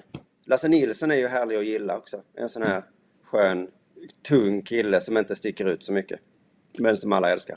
Han gör ju sina misstag får man ändå säga. Han gör sina misstag. och han, gör, han gör inte så många fantastiska saker. Men han är, han är liksom stabil och trygg och hög lägstanivå. Min, min, min favoritegenskap med Taha Ali var att när han kom så sa alla vad ska de med honom till? Eller det var ganska mycket sånt snack. Och jag älskar när folk sen visar vad de skulle med honom till. Det gör att man, Ja. eh, man gillar en sån spelare. Revansch. Ja, precis. Som Mm. visar det här ska skåpet stå. Ja. Och satan vad han har ställt ner det. Ja, precis. Eh, det är ju eh, Fabbes favoritspelare också. Och kompis. Ja, ja, ja. eller kompis tror jag inte riktigt på. Nej. Men, eh, Enkelriktat. Mycket enkelriktat. Du, när din kollega och poddkompis Jonathan Unge var här och gästade oss så jämförde han stämningen i Malmö som lite fascistisk och att människorna är självgoda. Jag, jag, kan, ja, jag kan nästan skriva under lite grann på var- självgoda men inte fascistiska. Så. Eh, hur, hur är er relation när, han, när du vet att han i smyg eller kanske öppet tycker att du är en fascist? Jo, men jag antar... Är du trött på den frågan? Nej, just den har jag kanske inte fått. Men eh, jag antar att alla fascister liksom har den relationen till eh, att, de, att resten av befolkningen blir fuck-ups. Att man bara skakar på huvudet åt dem liksom. Mm. Så att man, eh, men man kan ju tack och lov styra dem och leda dem. Ja, exakt. Eh, vilket, du- vilket du gör bra måste jag ändå säga. Verkligen. Eh, eh, innan vi släpper dig eh, så eh, vill vi att du eh, ger oss ett låttips. Från Söder. Mm. Vad ska ni med det låttipset till? Vi ska in till våran playlist på Spotify så att folket ska ha någonting att lyssna på på helgerna. När inte vi sänder. Ja, du, då har jag en jävla bra låt nu. Jag hittade den. Han heter Gui Burato. Känner ni till honom? Nej, berätta. Ja, det är ju en sån där eh, eh, tysk technokille. Men han har gjort en jävla dänga nu som heter Drink in Paris. Den är ganska lättlyssnad och eh, otroligt bra. Fan vad härligt. Fortfarande inga dubbletter. Har ni inga dubbletter? Nej. Inte, än, inte när jag var med i alla fall. Nej, och hör på fan att de första Gui Biratto också, det trodde man inte. Nej, men känner du till Gui Beratto? Nej. Nej, men jag gillar jag tror det. att Gui själv är osäker. Ja, men jag, vill, jag, vill, jag vill också, ja, exakt, om han finns. Jag vill också innan vi säger hej då passa på att eh, slå en, ett slag för eh, podden Della Sport. Ja, verkligen. Som verkligen. jag eh, tycker är väldigt rolig och bra. Ja, tack så mycket, vad roligt att höra. Eh, och eh, lycka till med eh, firandet utav guldet eh, någon gång där i november. Det är ju klart kan man Ja. ändå säga. Ja, ja, ja. Jo men måste ändå säga Pontus Jansson kommer ju hem. Det får vi inte ta. Det måste vara stort, eller hur? Ja, det är väl stort, men han, eh, det är ingen som säger detta, men han är ju sån beroendepersonlighet. Han blir ju liksom supporter till alla lag han spelar i. Alltså, han var ju Leeds största supporter när han var där och han sen var Brentford och Malmö. Så jag känner att han är lite av den där typen. Men visst, visst. Ponne, kom du hem och var bra. Jag ska inte vara så negativ. Nej, shit. Alltså det, det var för mycket pengar, eller hur? De bara, "Ah, visst kommer Ja, han. visst. Så här 22 Vi kan väl miljoner ta av honom. Ja, vi kan vi ta. Ja. Sätta Okej han på då. bänken. Sätt dig på bänken så länge. Eller ställ i klacken, din Ja. jävel. Köp årskort som alla. Exakt. Han kan få vara med, eh, alltså den som håller upp handskarna. till Ja, mig. exakt. Ja, På med handskarna. Ja. In i staben till att börja med får vi se vad vi gör med det. Ja. Och, och, Men Ponne är också här nerifrån, så han vet hur eh, snacket går. Så han tycker inte det är konstigt att jag är lite kritisk. Nej. Nej. Det är Jonathan och ni tycker det är helt obegripligt. Men så snackar vi här. Ja. De, de rika. Ja. De rika fascisterna Ja, pratar vi det- det sättet. det rika fas- fascisterna att ni Exakt. kan. Exakt. Det kan. Bete er precis som ni vill. Du, härligt. Ha en trevlig fredag och trevlig helg och, och, och så vidare. Detsamma, detsamma. Puss och Hej, kram. hej, hej, hej, hej, hej. Satan vilken späckad en timme och tio minuter det blev. Lite Otro- tjockare den här kvällen. Ja. Kvällen jag på att säga. Kväll. Morgonen. Morgonen. Det är lätt hänt när man har kul. Ja, Ja. som det har varit roligt. Eh, och eh, de flesta programmen borta, eller hemma på Dobb-TV har ju gått i mål. Men några snurrar ju på. Ju. Som om det inte fanns någon morgondag. 08 fotboll till exempel. Och Quizaleta. Eh, vi har ju mötts där. Mm, det har vi gjort. Ja. Vi kan inte avslöja det. kan vi inte göra. Men vi kan avslöja att det har varit eh, väldigt kul. Och att eh, igår klev ju jag och Niklas in i tävlingen. Ja, Mötte då eh, snett inåt bakåt eh, Ja. När släpps eh, avsnittet när ni möts då? Det, det vet jag inte. Eh, men det, det var en tuff match. Så, så, så kan vi säga. Ja. Vilken cliffhanger. Ja, verkligen. Kan en av de starkaste Mm. någonsin. Eh, och vi... Får jag bara säga, jag, jag, jag har inte alltid kollat på 08 fotboll. Och det kanske är för att det går dåligt nu, eller därför för AIK som gör att jag blir extra intresserad. Helskotta vad bra det är nu. Mm. För de måste ju, det är inte bara så här segerbira, utan de måste ju... Men det är alltid bäst när det går dåligt. Det är faktiskt ja. eh, Och eh, det är nästan, nu går det lite för bra för Djurgården för att det ska bli som bäst. Men annars är det roligt när det går dåligt för eh, Djurgården och AIK i synnerhet. Mm. Därför att de kan inte hantera det. Bayern hanterar det mycket bättre. Alltså inte Men så... satsa på jorden för att hantera sånt. Ja, Mm. men AIK kan ju verkligen inte hantera det. Och, Så det blir bra tv. ja, det blir det. Så är det ju. Du, eh, tusen tack eh, Julia. Tack för att jag fick vara här. Robin. Ja, tack för att jag var här. Ja, oerhört eh, vackra outfits Ja. på båda er två. Det är Bra det. banan här borta. Som en... Eh, ja.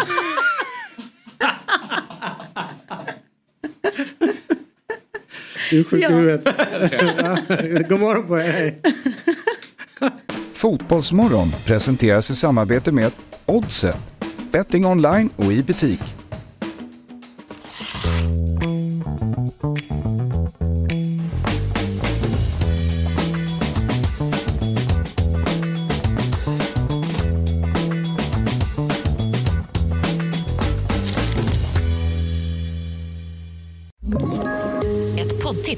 Podplay. I podden Något Kaiko garanterar östgötarna Brutti och jag, Davva, dig en stor dos skratt. Där följer jag pladask för köttätandet igen. Man är lite som en jävla vampyr. Man har fått lite blodsmak och då måste man ha mer. Udda spaningar, fängslande anekdoter och en och annan arg rant. Jag måste ha mitt kaffe på morgonen för annars är jag ingen trevlig människa. Då är du ingen trevlig människa, punkt. Något Kaiko, hör du på Podplay. Därför arkadeinerna.